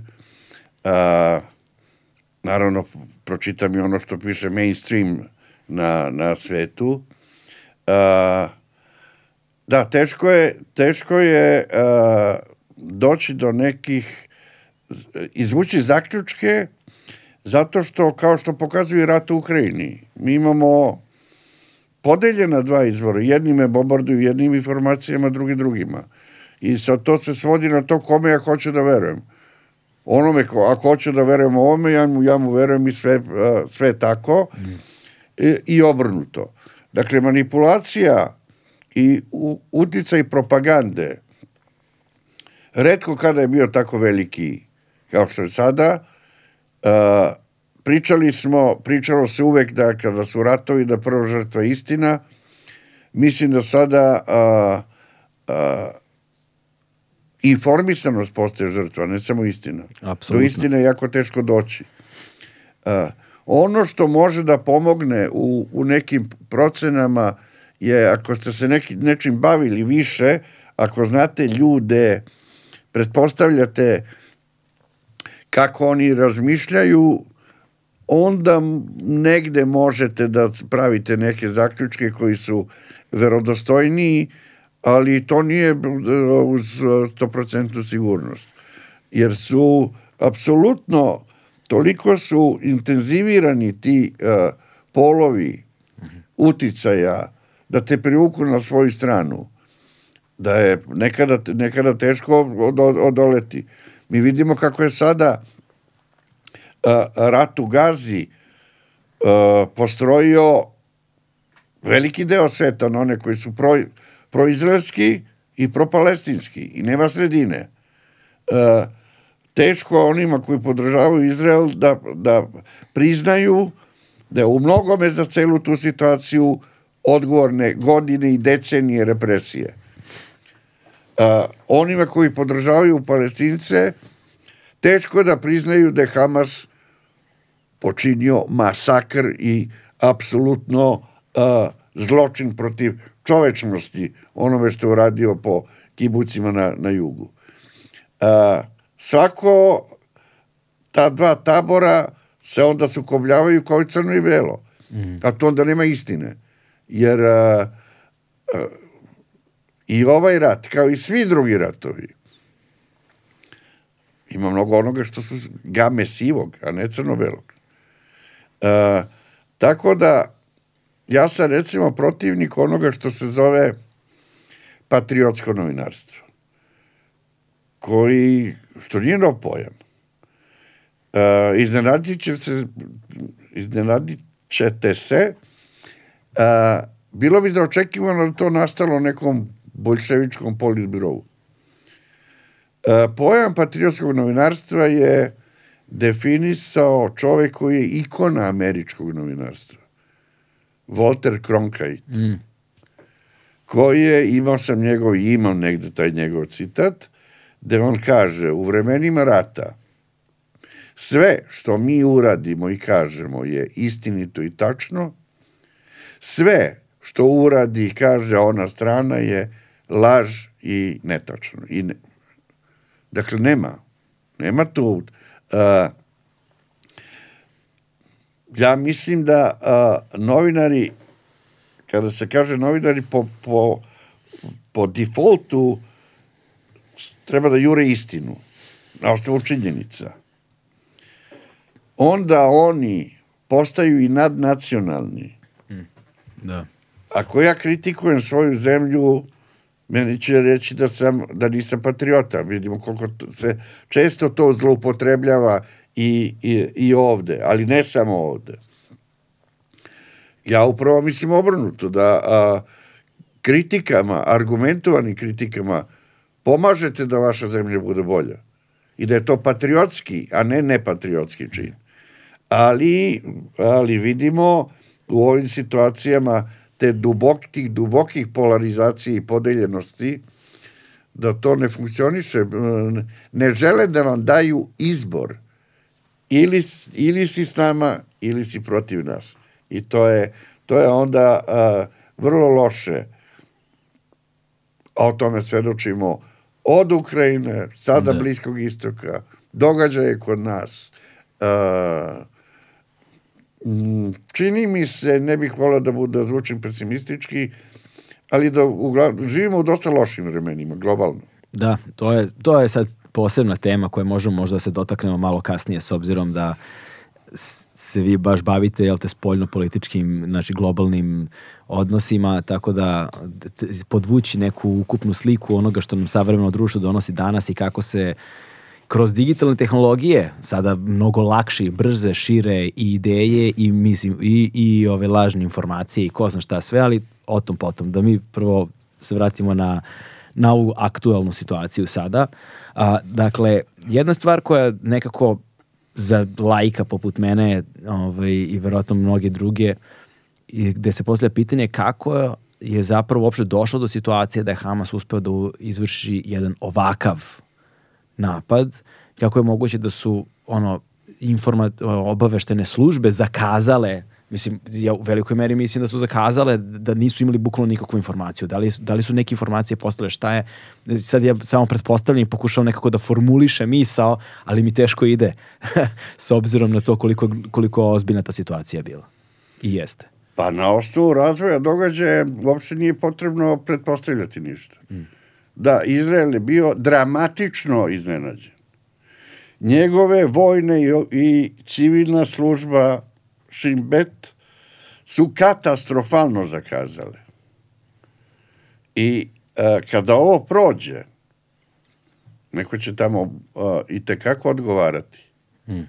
Jer e, izraelska javnost koja se sada homogenizovala kao i uvek kada je zemlja napadnuta, kada to prođe će tražiti odgovornost. Zašto nas se ovo desilo? Ko je to, za, ko je to kriv? A, neće, bi, neće se sve, sve završiti samo na generalima iz, iz obe službe. Ići će to i do premijera Netanjahova, će, će se odgovornost tražiti. Da sad, ne znam. A, on, sada, on sada pokušava sebe On zna da je da, svakako da je i on odgovoran za to, pa mora kao premijer. Ali on sada otkup, pokušava samog sebe da otkupi uh, jačinom udara. Evo, mi smo sada moćni, mi, mi ćemo satrti, uništit ćemo Hamas. To što u procesu uništavanja Hamasa uništava uh, civilno stanovništvo Gaze, njega ne interesuje, ali i zbog toga će doći uh, na dnevni red da plati račune. Da, tu je sada dodatno problematika koja možemo se pozabavimo posle ove, a to je da zapravo Hamas je u velikoj meri kao što i osvajaju infiltriran međunarod. Ti ukoliko želiš, ne znam, da raketiraš Hamas, tamo gde se oni nalaze, se nalazi jako veliki broj civilnog stanovništva. A to je, to, to je, to je jedna vrlo opasna odluka koja se donosi u takvom slučaju. A, ne znam, ne znam koga bi tu trebalo više kritikovati. Mm. Dakle, ja sam prisustvovao uh, izraelskoj opsadi Bejruta 82. kada su zapadno Bejrutu zaokružili palestince zajedno tada sa Arafatom. Uh, bio sam svedok rata u, u, u Libanu 2006. između Izraelaca i Hezbolaha i palestinci i hezbolasi su koristili istu taktiku. Uh, dođu negde, nađu ulicu koja recimo ima otvoren prolaz prema jugu, gde su položaj izraelski, odatle ga, gađaju, raketiraju teškim mitraljezima ili minobasačima i tako dalje i pobegnu. Posle dva minuta, dok su lokatori izraelski odredili precizno mesto odakle su gađani, Izrael uzvrati vatrom. Ali tu ni Hamasa, ni palestinaca više nema, nego ginu civili. Tako da njihov odnos prema sobstvenom stanovništvu je više nego ciničan. Hmm. A onda na to ide drugi deo priče.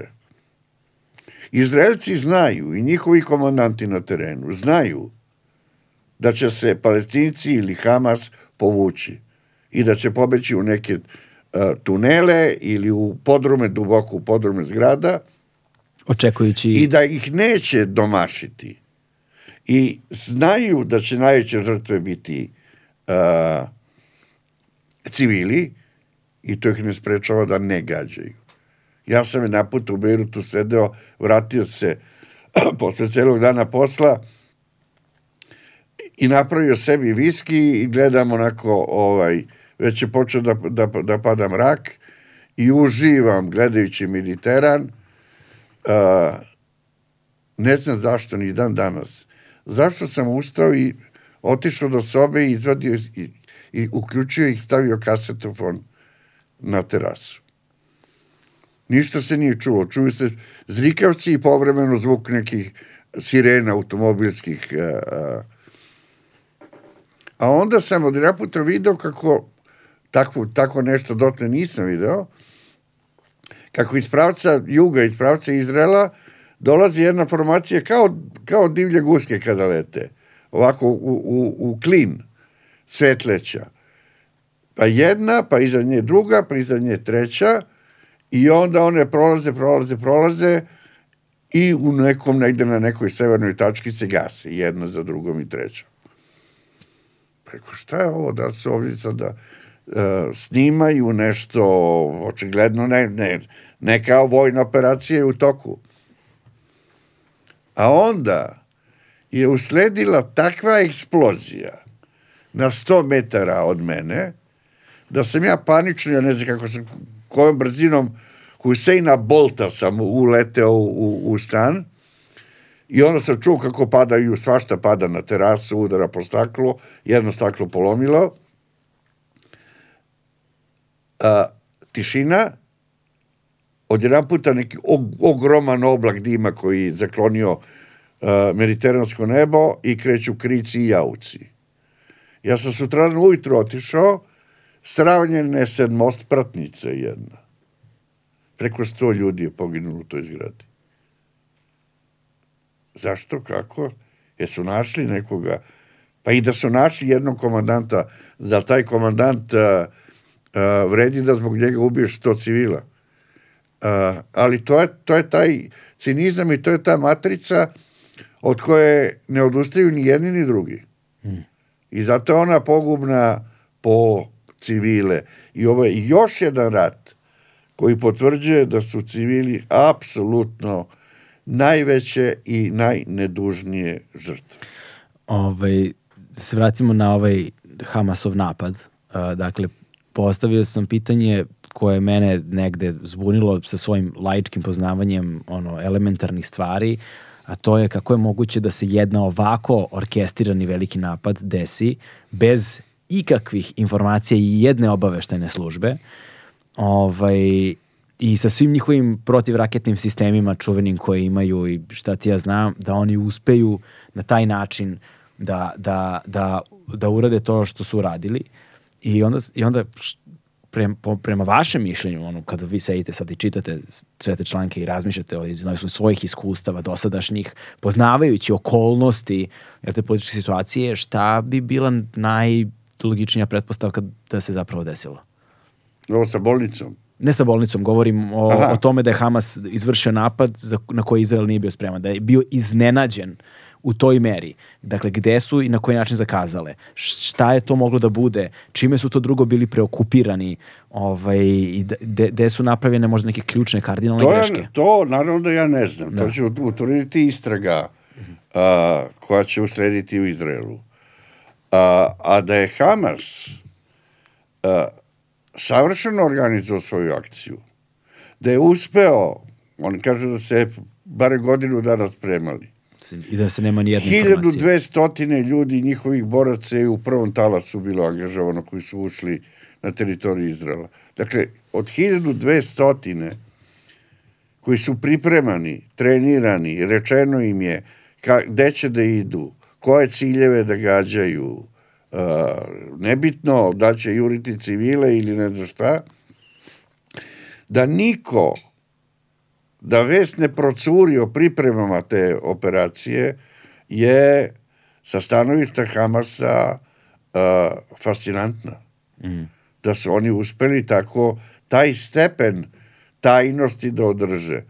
Taj stepen tajnosti znači da imate ogroman stepen privrženosti tih boraca onome što ćete uraditi. I da niko od njih neće propeva. Da, da niko da od ne njih posumnja. da a, a, nije bio plaćen a, od Izraelaca, sigurno, sigurno moraju da imaju i svoje ljude među palestincima.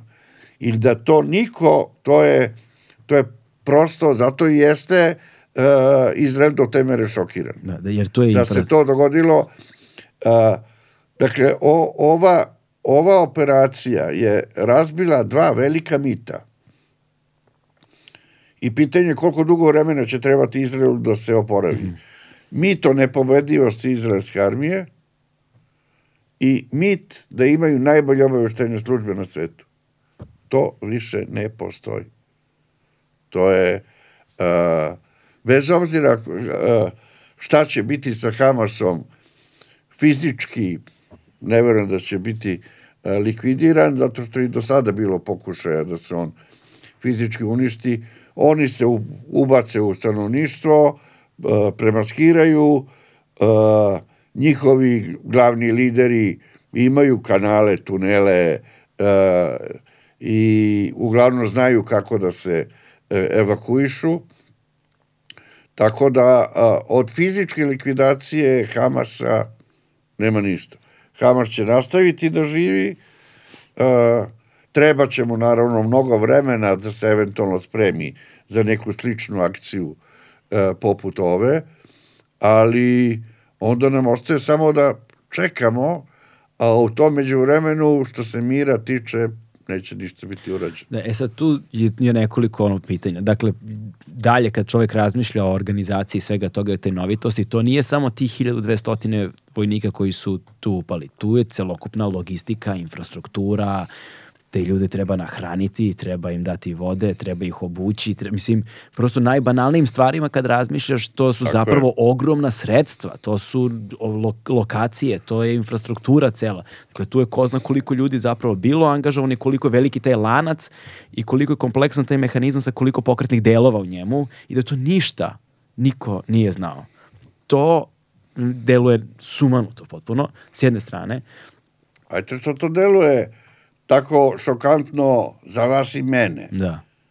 Ali da to bude tako šokantno po izraelske službe, e, u tome jeste mm. a, veliki, veliki problem Izraela i veliki uspeh Hamasa. Da, e, a sada kad govorimo o poznacima navoda uspehu Hamasa, a, drugo pitanje koje sad ja se i postavljam, ovaj, posmatrajući te grozne slike, jer eto, zahvaljujući mrežama, zahvaljujući savremenim mobilnim telefonima, mi imamo presedan u načinu na koji doživljavamo slike iz sukoba širom sveta. Način na koji to nikada ranije nismo videli. Ukrajina je bila, mislim, čini mi se prvi rat u kojem ono, imamo HD rezoluciju, slike visoke rezolucije sa mobilnih telefona gde vidimo svakakve grozne stvari. Sada ovo je druga situacija gde se to nastavlja, taj, nazovimo po znacima navoda, opet trend, koliko god užasno zvučalo, i poslije po, moje pitanje je šta je cilj, odnosno šta je dugoročna ideja može da bude kad govorimo o ovakvim napadima, jer, jer opet malo prerečeno, govorimo o vojsci koja je neuporedivo veća, neuporedivo snažnija, sa sredstvima koja prevazilaze višestruko ono sa čime može da raspolaže uh, Hamas. Ovaj, I posledica koju vidimo odmazde koja je neuporedivo sada. God, mislim, porediti dve bede je prosto. Jedna je nezahvalna i užasna stvar, ne želim to ni da radim, ni da pokušavam da radim, niti da impliciram da radim, ali hoću da kažem šta je konačni rezultat i, sa, koj, sa kojim ciljem je taj rezultat po znacima navoda opet postignut. Pa konačni, pred svega još nije konačni, još, još ćemo tek čekati na konačni, uh, je da je Izrael prvi put od 48. suočen sa tolikim brojem sopstvenih žrtava. To je cena tog iznenađenja uh, koja, koja je plaćena. To je cena jedne nacije koja je sada u traumi, kako nikada do sada nije, nije imala. Dakle, Izrael sada prolazi ono što su prolazili Arapi 67. Prvi put su toliko uzdrmani, njihovo samopouzdanje, njihova vera uh, u svoju armiju, u svoje službe, sve je to sada pod znakom pitanja. Na drugoj strani uh, su palestinci gde se faktički ništa posebno novo nije dogodilo. Koliko god to zvučalo tužno. Za sada imamo 3000 palestinskih žrtava. A, pre dve godine ih je bilo 2500. Pre toga je bilo 2000, pa onda, dakle, a, te statistike što se palestinaca tiče su tu negde stalne. Jedino ono što se promenilo statistika uh, jevreja. Uh, ako pomenem recimo ovo 2014. kada je 2500 palestinaca poginulo, tada je stradalo samo 13 Izra Izraelaca. E sada je, sad su oni na 1300. Sad je to ogromna razlika i, i disproporcija. Uh, dakle, što se palestinaca tiče se ništa bitno ne menja. Nastavlja se njihova agonija. A, Izrael je sada pred dilemom i pred mogućnošću da shvati da će mu se ovakve situacije možda i ponavljati u budućnosti i da neće biti 1300, nego će biti 5000 jevrejskih žrtava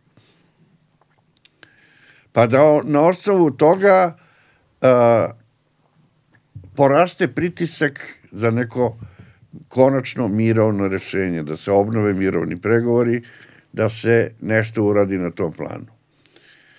Plašim se da uz ovakvu izraelsku vladu koja je najdesnija u istoriji zemlje, od toga nema ništa. I da će se sve vratiti na represiju, odmazdu, i pokazivanje sile. Da, ono što, upravo to, jer razmišljajući sada o, o odmazdi koja se des, de, dešava, zapravo ne, imam, ne vidim ništa drugo do ogromno nazadovanje u odnosima dve zemlje, kakvi god da su bili, čini mi se da su vraćeni na podešavanja od pre pola veka i da to dodatno ovaj, situaciju čini užasno. Mislim, ne znam kako, uopšte pokušavam da nađem atribut pravi da obeležim, ali teško mi je da nađem, a moram da budem i oprezan, jer prosto ovaj, toliko su tragične te ljudske sudbine da je teško prosto opisati ih rečima, mislima obuhvatiti. Pa one jesu, ali i, i tu ima razlike. Dakle, svi mi znamo da to zvuči onako kao banalna istina da su žrtve su žrtve. Mm. Ali mi isto tako vidimo da da su žrtve predmet političkih kalkulacija. Da. Što znači da nisu sve žrtve iste. Mm. A, I mislim da se i oko toga, nažalost, ništa neće promeniti. Ono što je, ono što je mm, negdje u najkraćem definisati sve ovo što se dogodilo, a to je da su jevreji za nedelju dana ili deset dana prošli ono što palestinci prolaze sedam decenija. I to je to. S druge strane, da, ali s druge strane, ovaj, Hamas je sad, na, sad se ono kad govorimo o onome malo pre smo pomenuli globalnu globalnu, glo, globalnu politiku i globalni imidž, PR, propagandu, kako god nazovimo, uh, u očima šire javnosti, širom sveta, sada čini mi se da se dešava ogromno nazadovanje na obe strane. S jedne strane, razlikovanje običnom čoveku razlikovanje Hamasa i Palestine, prosto razdvajanje ta dva entiteta ovaj, i saosećanje i eventualna podrška koja je do sada postojala sa te strane. S druge strane, odmazdom koju Izrael pravi ne pomaže sebi što se tiče globalne političke situacije i, i, i odnosa prema njima. Što znači da čini mi se da su obe strane u tom pogledu takođe nazadovale. Pa, apsolutno tačno. Dakle, da i jedna i druga strana su uništile neku prednost koju su imale. Mm. Dakle, palestinci su imali tu marketinšku, aj tako da kažem, prednost a, svega što se represije na zapadnoj obali i svega što se u krajnjoj liniji događa decenijama. A, ignorisanje njihovih prava i a, okupacije i tako dalje i tako dalje. Sve su to sve to Hamas uništio u velikoj meri uništio uh, masakrirajući civile i naneo je veliku štetu palestincima. Da. A onda, u tom trenutku se su se simpatije sveta okrenule ka, ka Izraelu. To je nesporno bilo onim prvim e, danima. Da. A onda je Izrael upao u istu vrstu greške i prednost koju je imao, a koju decenijima nije imao, je ubrzo uništio svojom neprimerenom upotrebom sile, kako se to obično kaže. Dakle, masovnim uh, uh, stradanjima palestinskih civila, pogotovo ovo za uh, sada sa bolnicom. Sa raketiranjem bol, bolnice. Dakle, oni to demantuju. Uh, evo, malo pre ste pitali, pa ne, nemam ja naravno da mi se javio neki od lekara tamo anestezijolog iz bolnice. Ali a, sam povezao dve stvari. Dakle, a, a, Izraelci tvrde, pa ih je i predsjednik Biden u tome podržao, da nisu oni, nego je to druga strana uradila. A, zvanično objašnjenje predstavnika izraelske vlade je da oni na osnovu dosadašnjih iskustava su došli do podatka da je trećina raketa koju se ispali iz pojasa gaze, trećina završi u pojasu gaze. Dakle, mm. nije u stanju da prebaci, da prebaci do juga Izraela ili dalje. Kojim distancama mi tu govorimo? Pa mi govorimo o distancama od 40-50 km. Sve to je jedan mali prostor. A, e sada, pre dva meseca, kad su izraelske snage imale neku veliku operaciju na zapadnoj obali i kada su zaplenila veliki, zaplenili velike skladišta palestinskog oružja, onda, je, onda su izraelski vojni stručnjaci, to sam čitao, saopštili da su iznenađeni da su nove palestinske rakete neuporedivo preciznije da, su, da se koristi nova tehnologija savremenije u njihovoj proizvodnji i da to više nisu one rakete koje su tako lutale pa šta pogode, pogode. Dakle, Izraelci su sami priznali da su to precizne rakete. E, kako to onda da sa groblja okolnog te rakete prelete kilometar dva i padnu na bolnicu. Nešto mi ne, ne drži vodu. Druga stvar, po onome što sam gledao, kada rakete stignu do, do ciljeva u Izraelu, nijedna od njih nema takvo eksplozivno punjenje da bi nanela tako katastrofalnu štetu kao što je nanela ova u bolnici, raznela pola bolnice. Dakle, imam dva, imam dva podatka koji me uh, navode na to da ne verujem Netanjahu.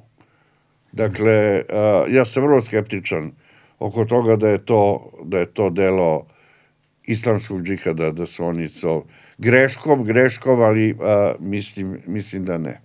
Da, još slučajevima da je tako nešto istina, mi sad ne znam da li govorimo o, o, jednoj vrsti presedana u, u, u, u samom ono samoj praksi ratovanja jer jer ovaj kada se narod nađe u, u situaciji da nemaju ono vodu, nemaju hranu, nemaju nikakva sredstva, nemaju nikakvu pomoć i onda da se bolnice pretvaraju u, u, u, u, u groblja,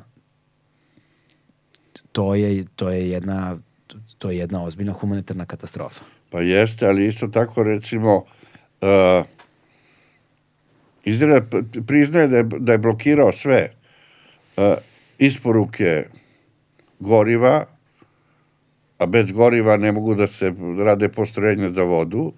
Dakle, goriva, vode, hrane, uh, uh, lekova. Da, na Reutersu mislim da sam A to pritom, video. da. a pritom kaže, u sva ta saznanja, pritom kaže u Gazi ne postoji humanitarna katastrofa. Dakle, uh, je to ona logika iz Škorpije i Kamile. Kamile, eto, to je to. Da. S druge strane, ovaj, e, ovih dana prateći malo situaciju, slušajući vaša gostovanja i intervjue, gde redko je, bude ovoliko prostora da se, da, da se govori o tome, uglavnom su stvari, što, ono što je najnezahvalnije kod ovakvih razgovora, kod ovih intervjua. Mi sad razgovaramo i mi sad snimamo i onda ćemo to da pustimo za, ne znam, sedam dana. Za sedam dana ko zna kako će ovaj razgovor zvučati jer mi ne znamo šta će da se desi jer, jer kada slušam intervjue koji su bili kada se tek desio Hamas pre nego što se odmazda uopšte desila, nismo mogli da pretpostavimo da će to da izgleda na ovaj način. Ovaj, I nezahvalno je prognozirati, naravno, ali, postavlja, ali, ali moramo na neki način da postavimo pitanje.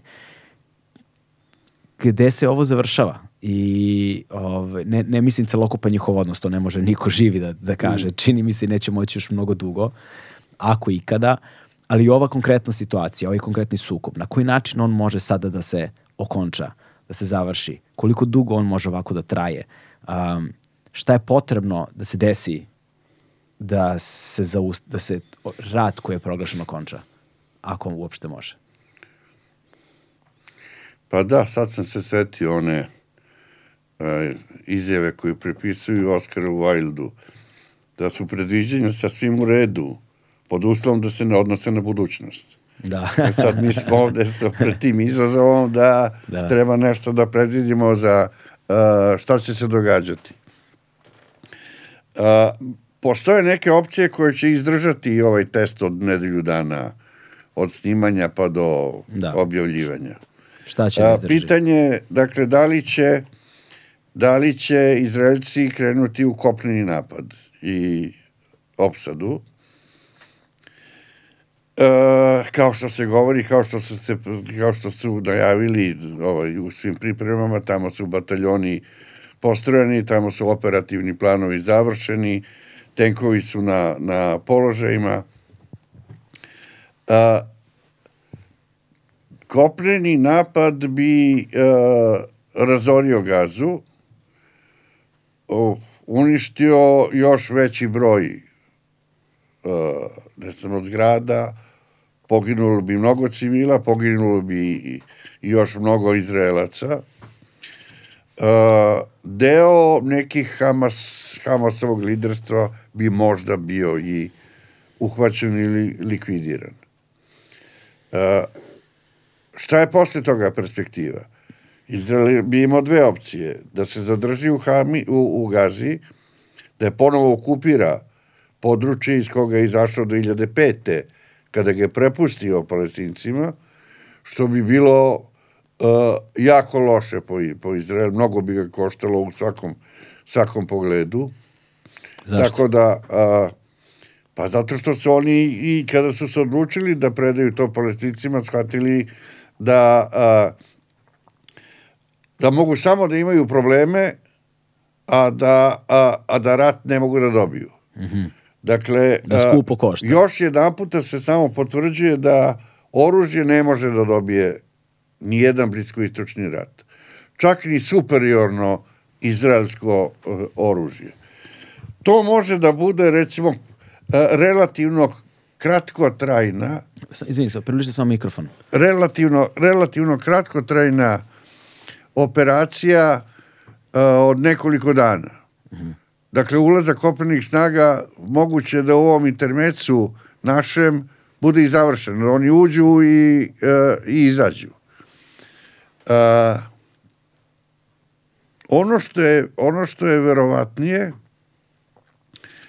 a to je da će se kao i sve dosadašnje krize uh, proglasiti neko primirje.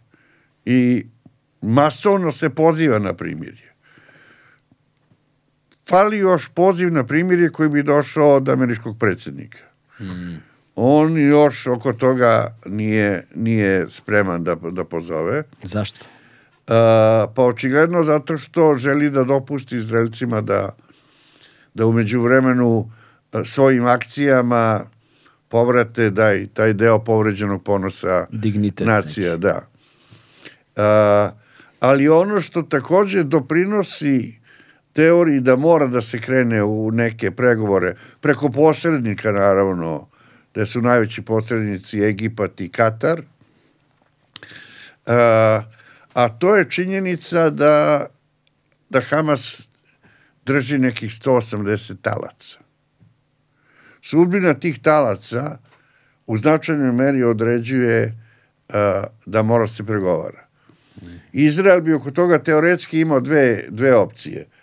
Da oslobodi taoce misijama nekih svojih specijalaca, kao što je nekad svoje vremeno bilo na aerodromu Entebbe u Ugandi kada su oslobađali uh, avion i kada je poginuo rođeni brat premijera Netanjahu kao jedina žrtva tog napada, što je ovoga puta nemoguće, jer, jer je Hamas svoje taoce rasporedio na mnogo lokacija. Mm.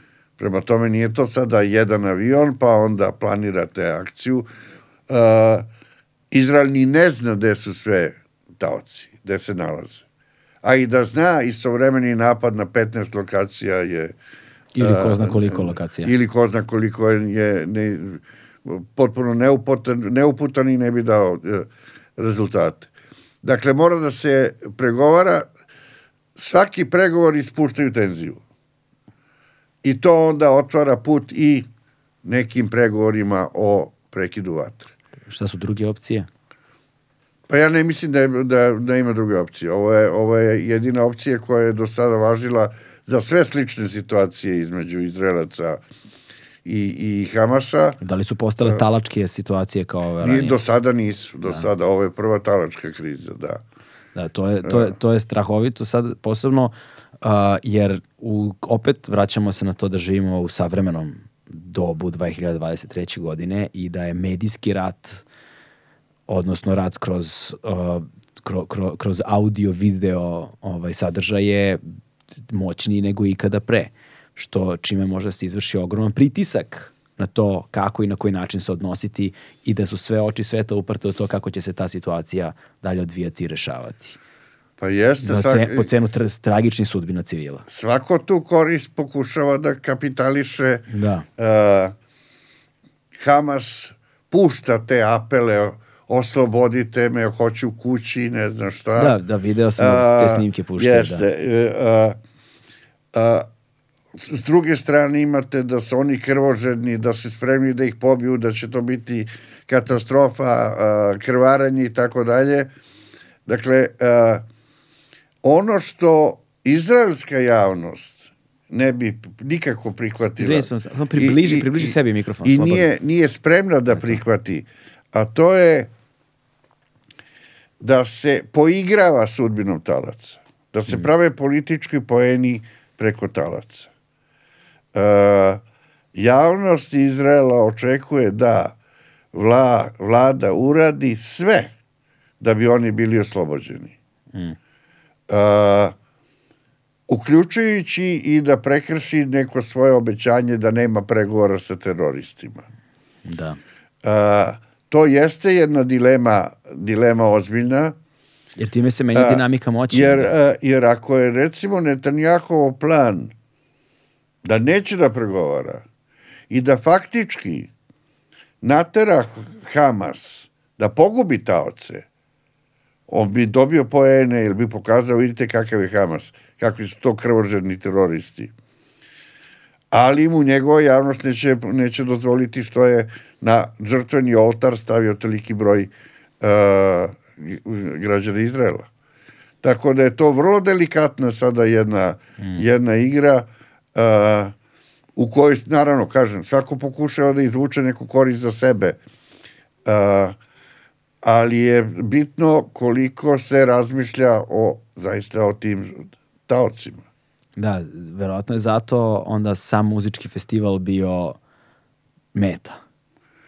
Pa očigledno. Da, da. očigledno. Jer, jer ono, A, jer to je bi, bila tako ono bogom dana mladi- prilika da pokupiš uh, gomilu ljudi. Što ne, naravno ne može da objasni zašto su te ljude onako zverski ubijali, to mi zaista uh, neće biti jasno. Da, to je pff, či, i činjenica da ti snimci svuda postoje, ovaj celokupno ovu stvar čine još jest. n- neuporedivo vre- više redova veličina gorom. Ovaj, i, i zaista uopšte ne, ne znam ka- kako, ovaj, ne, znam, ne znam na koji način bih mogao da, da, da postavim sebi, da posložim sebi ovaj, i, i tu sad u vezi sa time ne samo razrešenje tog pojedinačnog konflikta, nego i onome što smo govorili da se u tom pogledu kada govorimo o, o, o trenutnoj celokupnoj situaciji u svetu čini se kao da sve klizi u jednu veliku globalnu krizu u, na mnogim, u, mnogim, u, mno- u mnogim pogledima, a da mediji koji negde igraju vrlo važnu ulogu u svemu tome, a u medije ubrajam naravno i društvene mreže i sve ostalo, sve ono, sve ono gde a informacija putuje kao kanal, kao neki prolaz, staza koju informacija ima da ide njome, to spada u neke medije.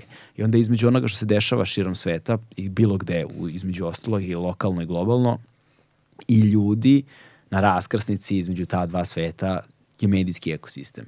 I ukoliko se izgubi poverenje u izvore odakle informacije dolaze, a u velikoj meri smo to izgubili i instrumentalizovali na strahovite načine, postavlja se pitanje na koji način se oporavlja medijski sistem koji bi trebalo da uč, igra aktivnu ulogu u razrešavanju brojnih situacija.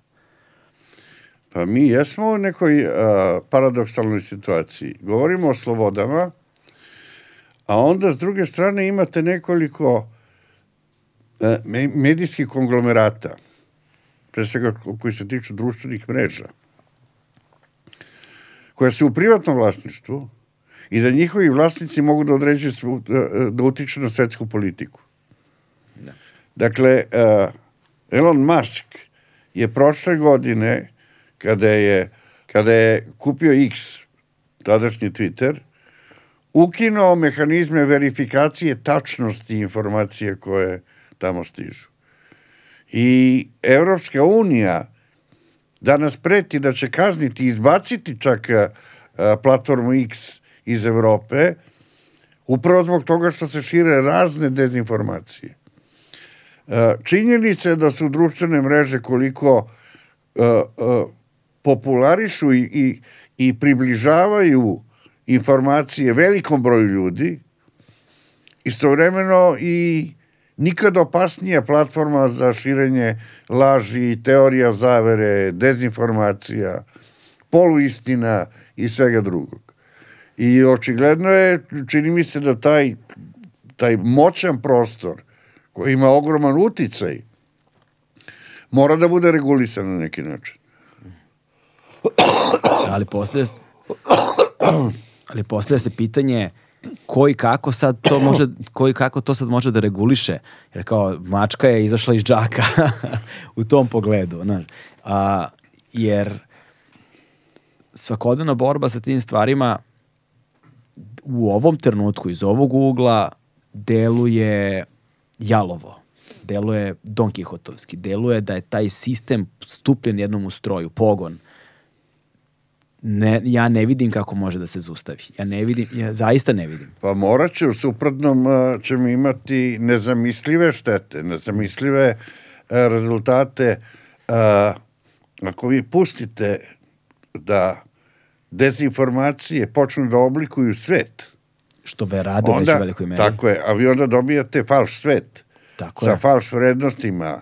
Uh, Sve sve se ono što dešava. se napravi na, na poluistinama i taj svet će postati poluistina. I to se sve dakle, dešava. to jednostavno uh, ja ni- ni- nisam ja pozvan da to rešava i da smišljam kako će to biti rešeno. Da li će biti rešeno na direktivan način, da li će te mega korporacije morati da se rasformiraju i da se uh, od njih da se razbiju u manje delove koji bi bili lakše kontrolisani, ne znam, ali o, ovako ako, ako nastavi to je, to je jako loše. Ono što je pitanje u svemu tome jeste i kako vratiti poverenje ljudi koje je izgubljeno Pa to je jedini način da pokušaš da vratiš i poverenje, jer ono zaista uh, mediji su poslednjih godina izgubili jako mnogo poverenja. Upravo to, jer ja se sećam još kao klinac kad sam bio, sve ove teorije zavere o kojima slušamo uvek su postojale.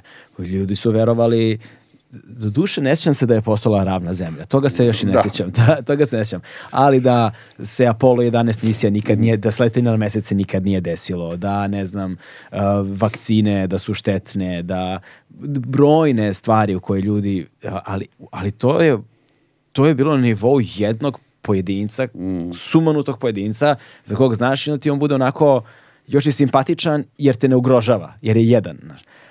Ali omasovljenje i renesansa tih ideja koje sada postoje, gde ti se nalaziš u situaciji da ne možeš da veruješ da ozbiljno vodiš razgovor na tu temu Da, i da da. nešto su se smat, nešto se smatralo univerzalnim, najbazičnijim, zdravorazumskim istinama, civilizacijskim, Mhm. zbog kojih smo danas, dan kao i danas i ovde, živi i zdravi i živimo duge i zdrave živote, ovaj, da je to sada destabilizovano i dovedeno u pitanje, postavlja ono vodi u strah od metastaze problema.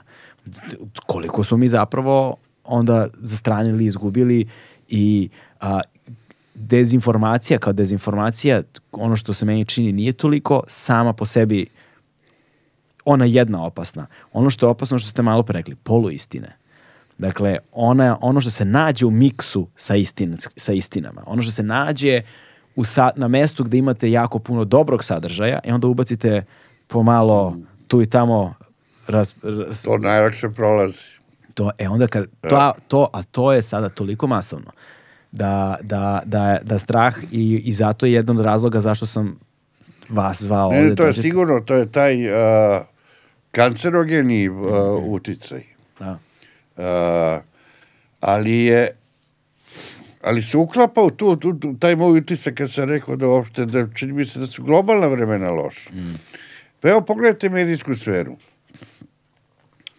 A, rat u Ukrajini a, Rusija ima svoje interese za svoju propagandu, Ukrajina ima interese za svoju propagandu. Podršku Zapada, ovi, ne znam, a, da li uz podršku Kine, nije ni bitno. A, I sada, šta je, šta je urađeno? E, Rusija ono zabranila ovim zapadnim e, stanicama, radio stanicama i, i medijskim nekim, od Radija Slobodne Evrope, Deutsche Welle, Glas Amerike, odmah zabranila. E, Zapad je uzvratio, odmah zabranio Russia Today televiziju i Sputnik. I sada, ja što se e, informacija tiče, ja živim u jednom invalidnom svetu. Uh, ja bih voleo da mogu da pročitam i Sputnik, isto kao i Radio Slobodnu Evropu. Jer uh, ja sam za to da daj mi informacije, ja ću sam na osnovu njih da zaključujem, da izbačem zaključke. Pogrešne, ispravne, nebitno, ali to je pravo svakog čoveka. Da, dakle, Ovo me, pod, ovo me podsjeća kao rimsko carstvo koje se po, po, podelilo na istočno i zapadno. I sad imamo istočno i zapadno novinarstvo. A novinarstvo ne bi smelo, kada se govori o, o patriotskom novinarstvu, to je isto to. Dakle, dva patriotska novinarstva. I svako, Putin kaže, moje novinarstvo je patriotski, evo, evo, uh, braćo Rusi, slušajte uh, i pratite i obrnuto. Uh, ali to, ja mislim da to nije, da to nije, ja sam apsolutno protiv zabrana. Da. Jer zabrane su uvek ograničavajuće, uh, ograničavajući faktor. Hoću više informacija, a ne manje. Hoću informacije iz više centara, a ne iz jednog uh, iz koga jedino mogu da dobijem. Tako da uh, isto to sada ponovo se potvrđuje i oko rata u Gazi. Uh, a čini mi se da to baš nije, nije bilo tako dramatično uh, ranije, ni u vre- vremenima hladnog rata. Mm. Imali ste neki protok, pa su se oni takmičili, sadržajima se takmičili, ko će bude bolji, ko će da ubedi nekoga da bude na mojoj strani ili tako dalje. A ne, ne, ne zabranama. Da, tada, je, ta, tada se i kroz kulturu u velikoj meri širilo. Kako da ne, jeste, kroz film, bilo što sve, ali je... Da. A, a, dakle, bilo je, to bojno polje je bilo obogaćeno Mm. raznim sadržajima. Sada mi sužava sadržaje. Da. Meni se to lično ne dopada. Ovaj, u svakom slučaju, to je bio zapravo jedan od bla- ključnih razloga zašto sam vas zvao, prosto da bih sedeo sa nekime čije mišljenju mogu da verujem. pa da dobijem neku malo realniju sliku onoga što se dešava, na osnovu koje mogu da nastavim da pratim celokupnu situaciju i hvala vam puno na tome. Ovaj, I hvala vam puno još jednom što ste ovaj, izdvojili vreme u svom zauzetom rasporedu, jer sada znam da su vam ono zakazana gostovanja na milion i jednoj strani i što ste izdvojili vreme da dođete ovde kod nas. A, hvala vam još jednom i a, pratit ćemo dalje vaša izveštavanja i vaše analize. To je to. Hvala vama, ja se nadam se da sam doprinuo ovoj opštoj konfuziji. Svakako, verite mi. Ako jednu stvar jeste radili, to ste radili. To je to. Stigli smo do kraja. Hvala puno. Ćao.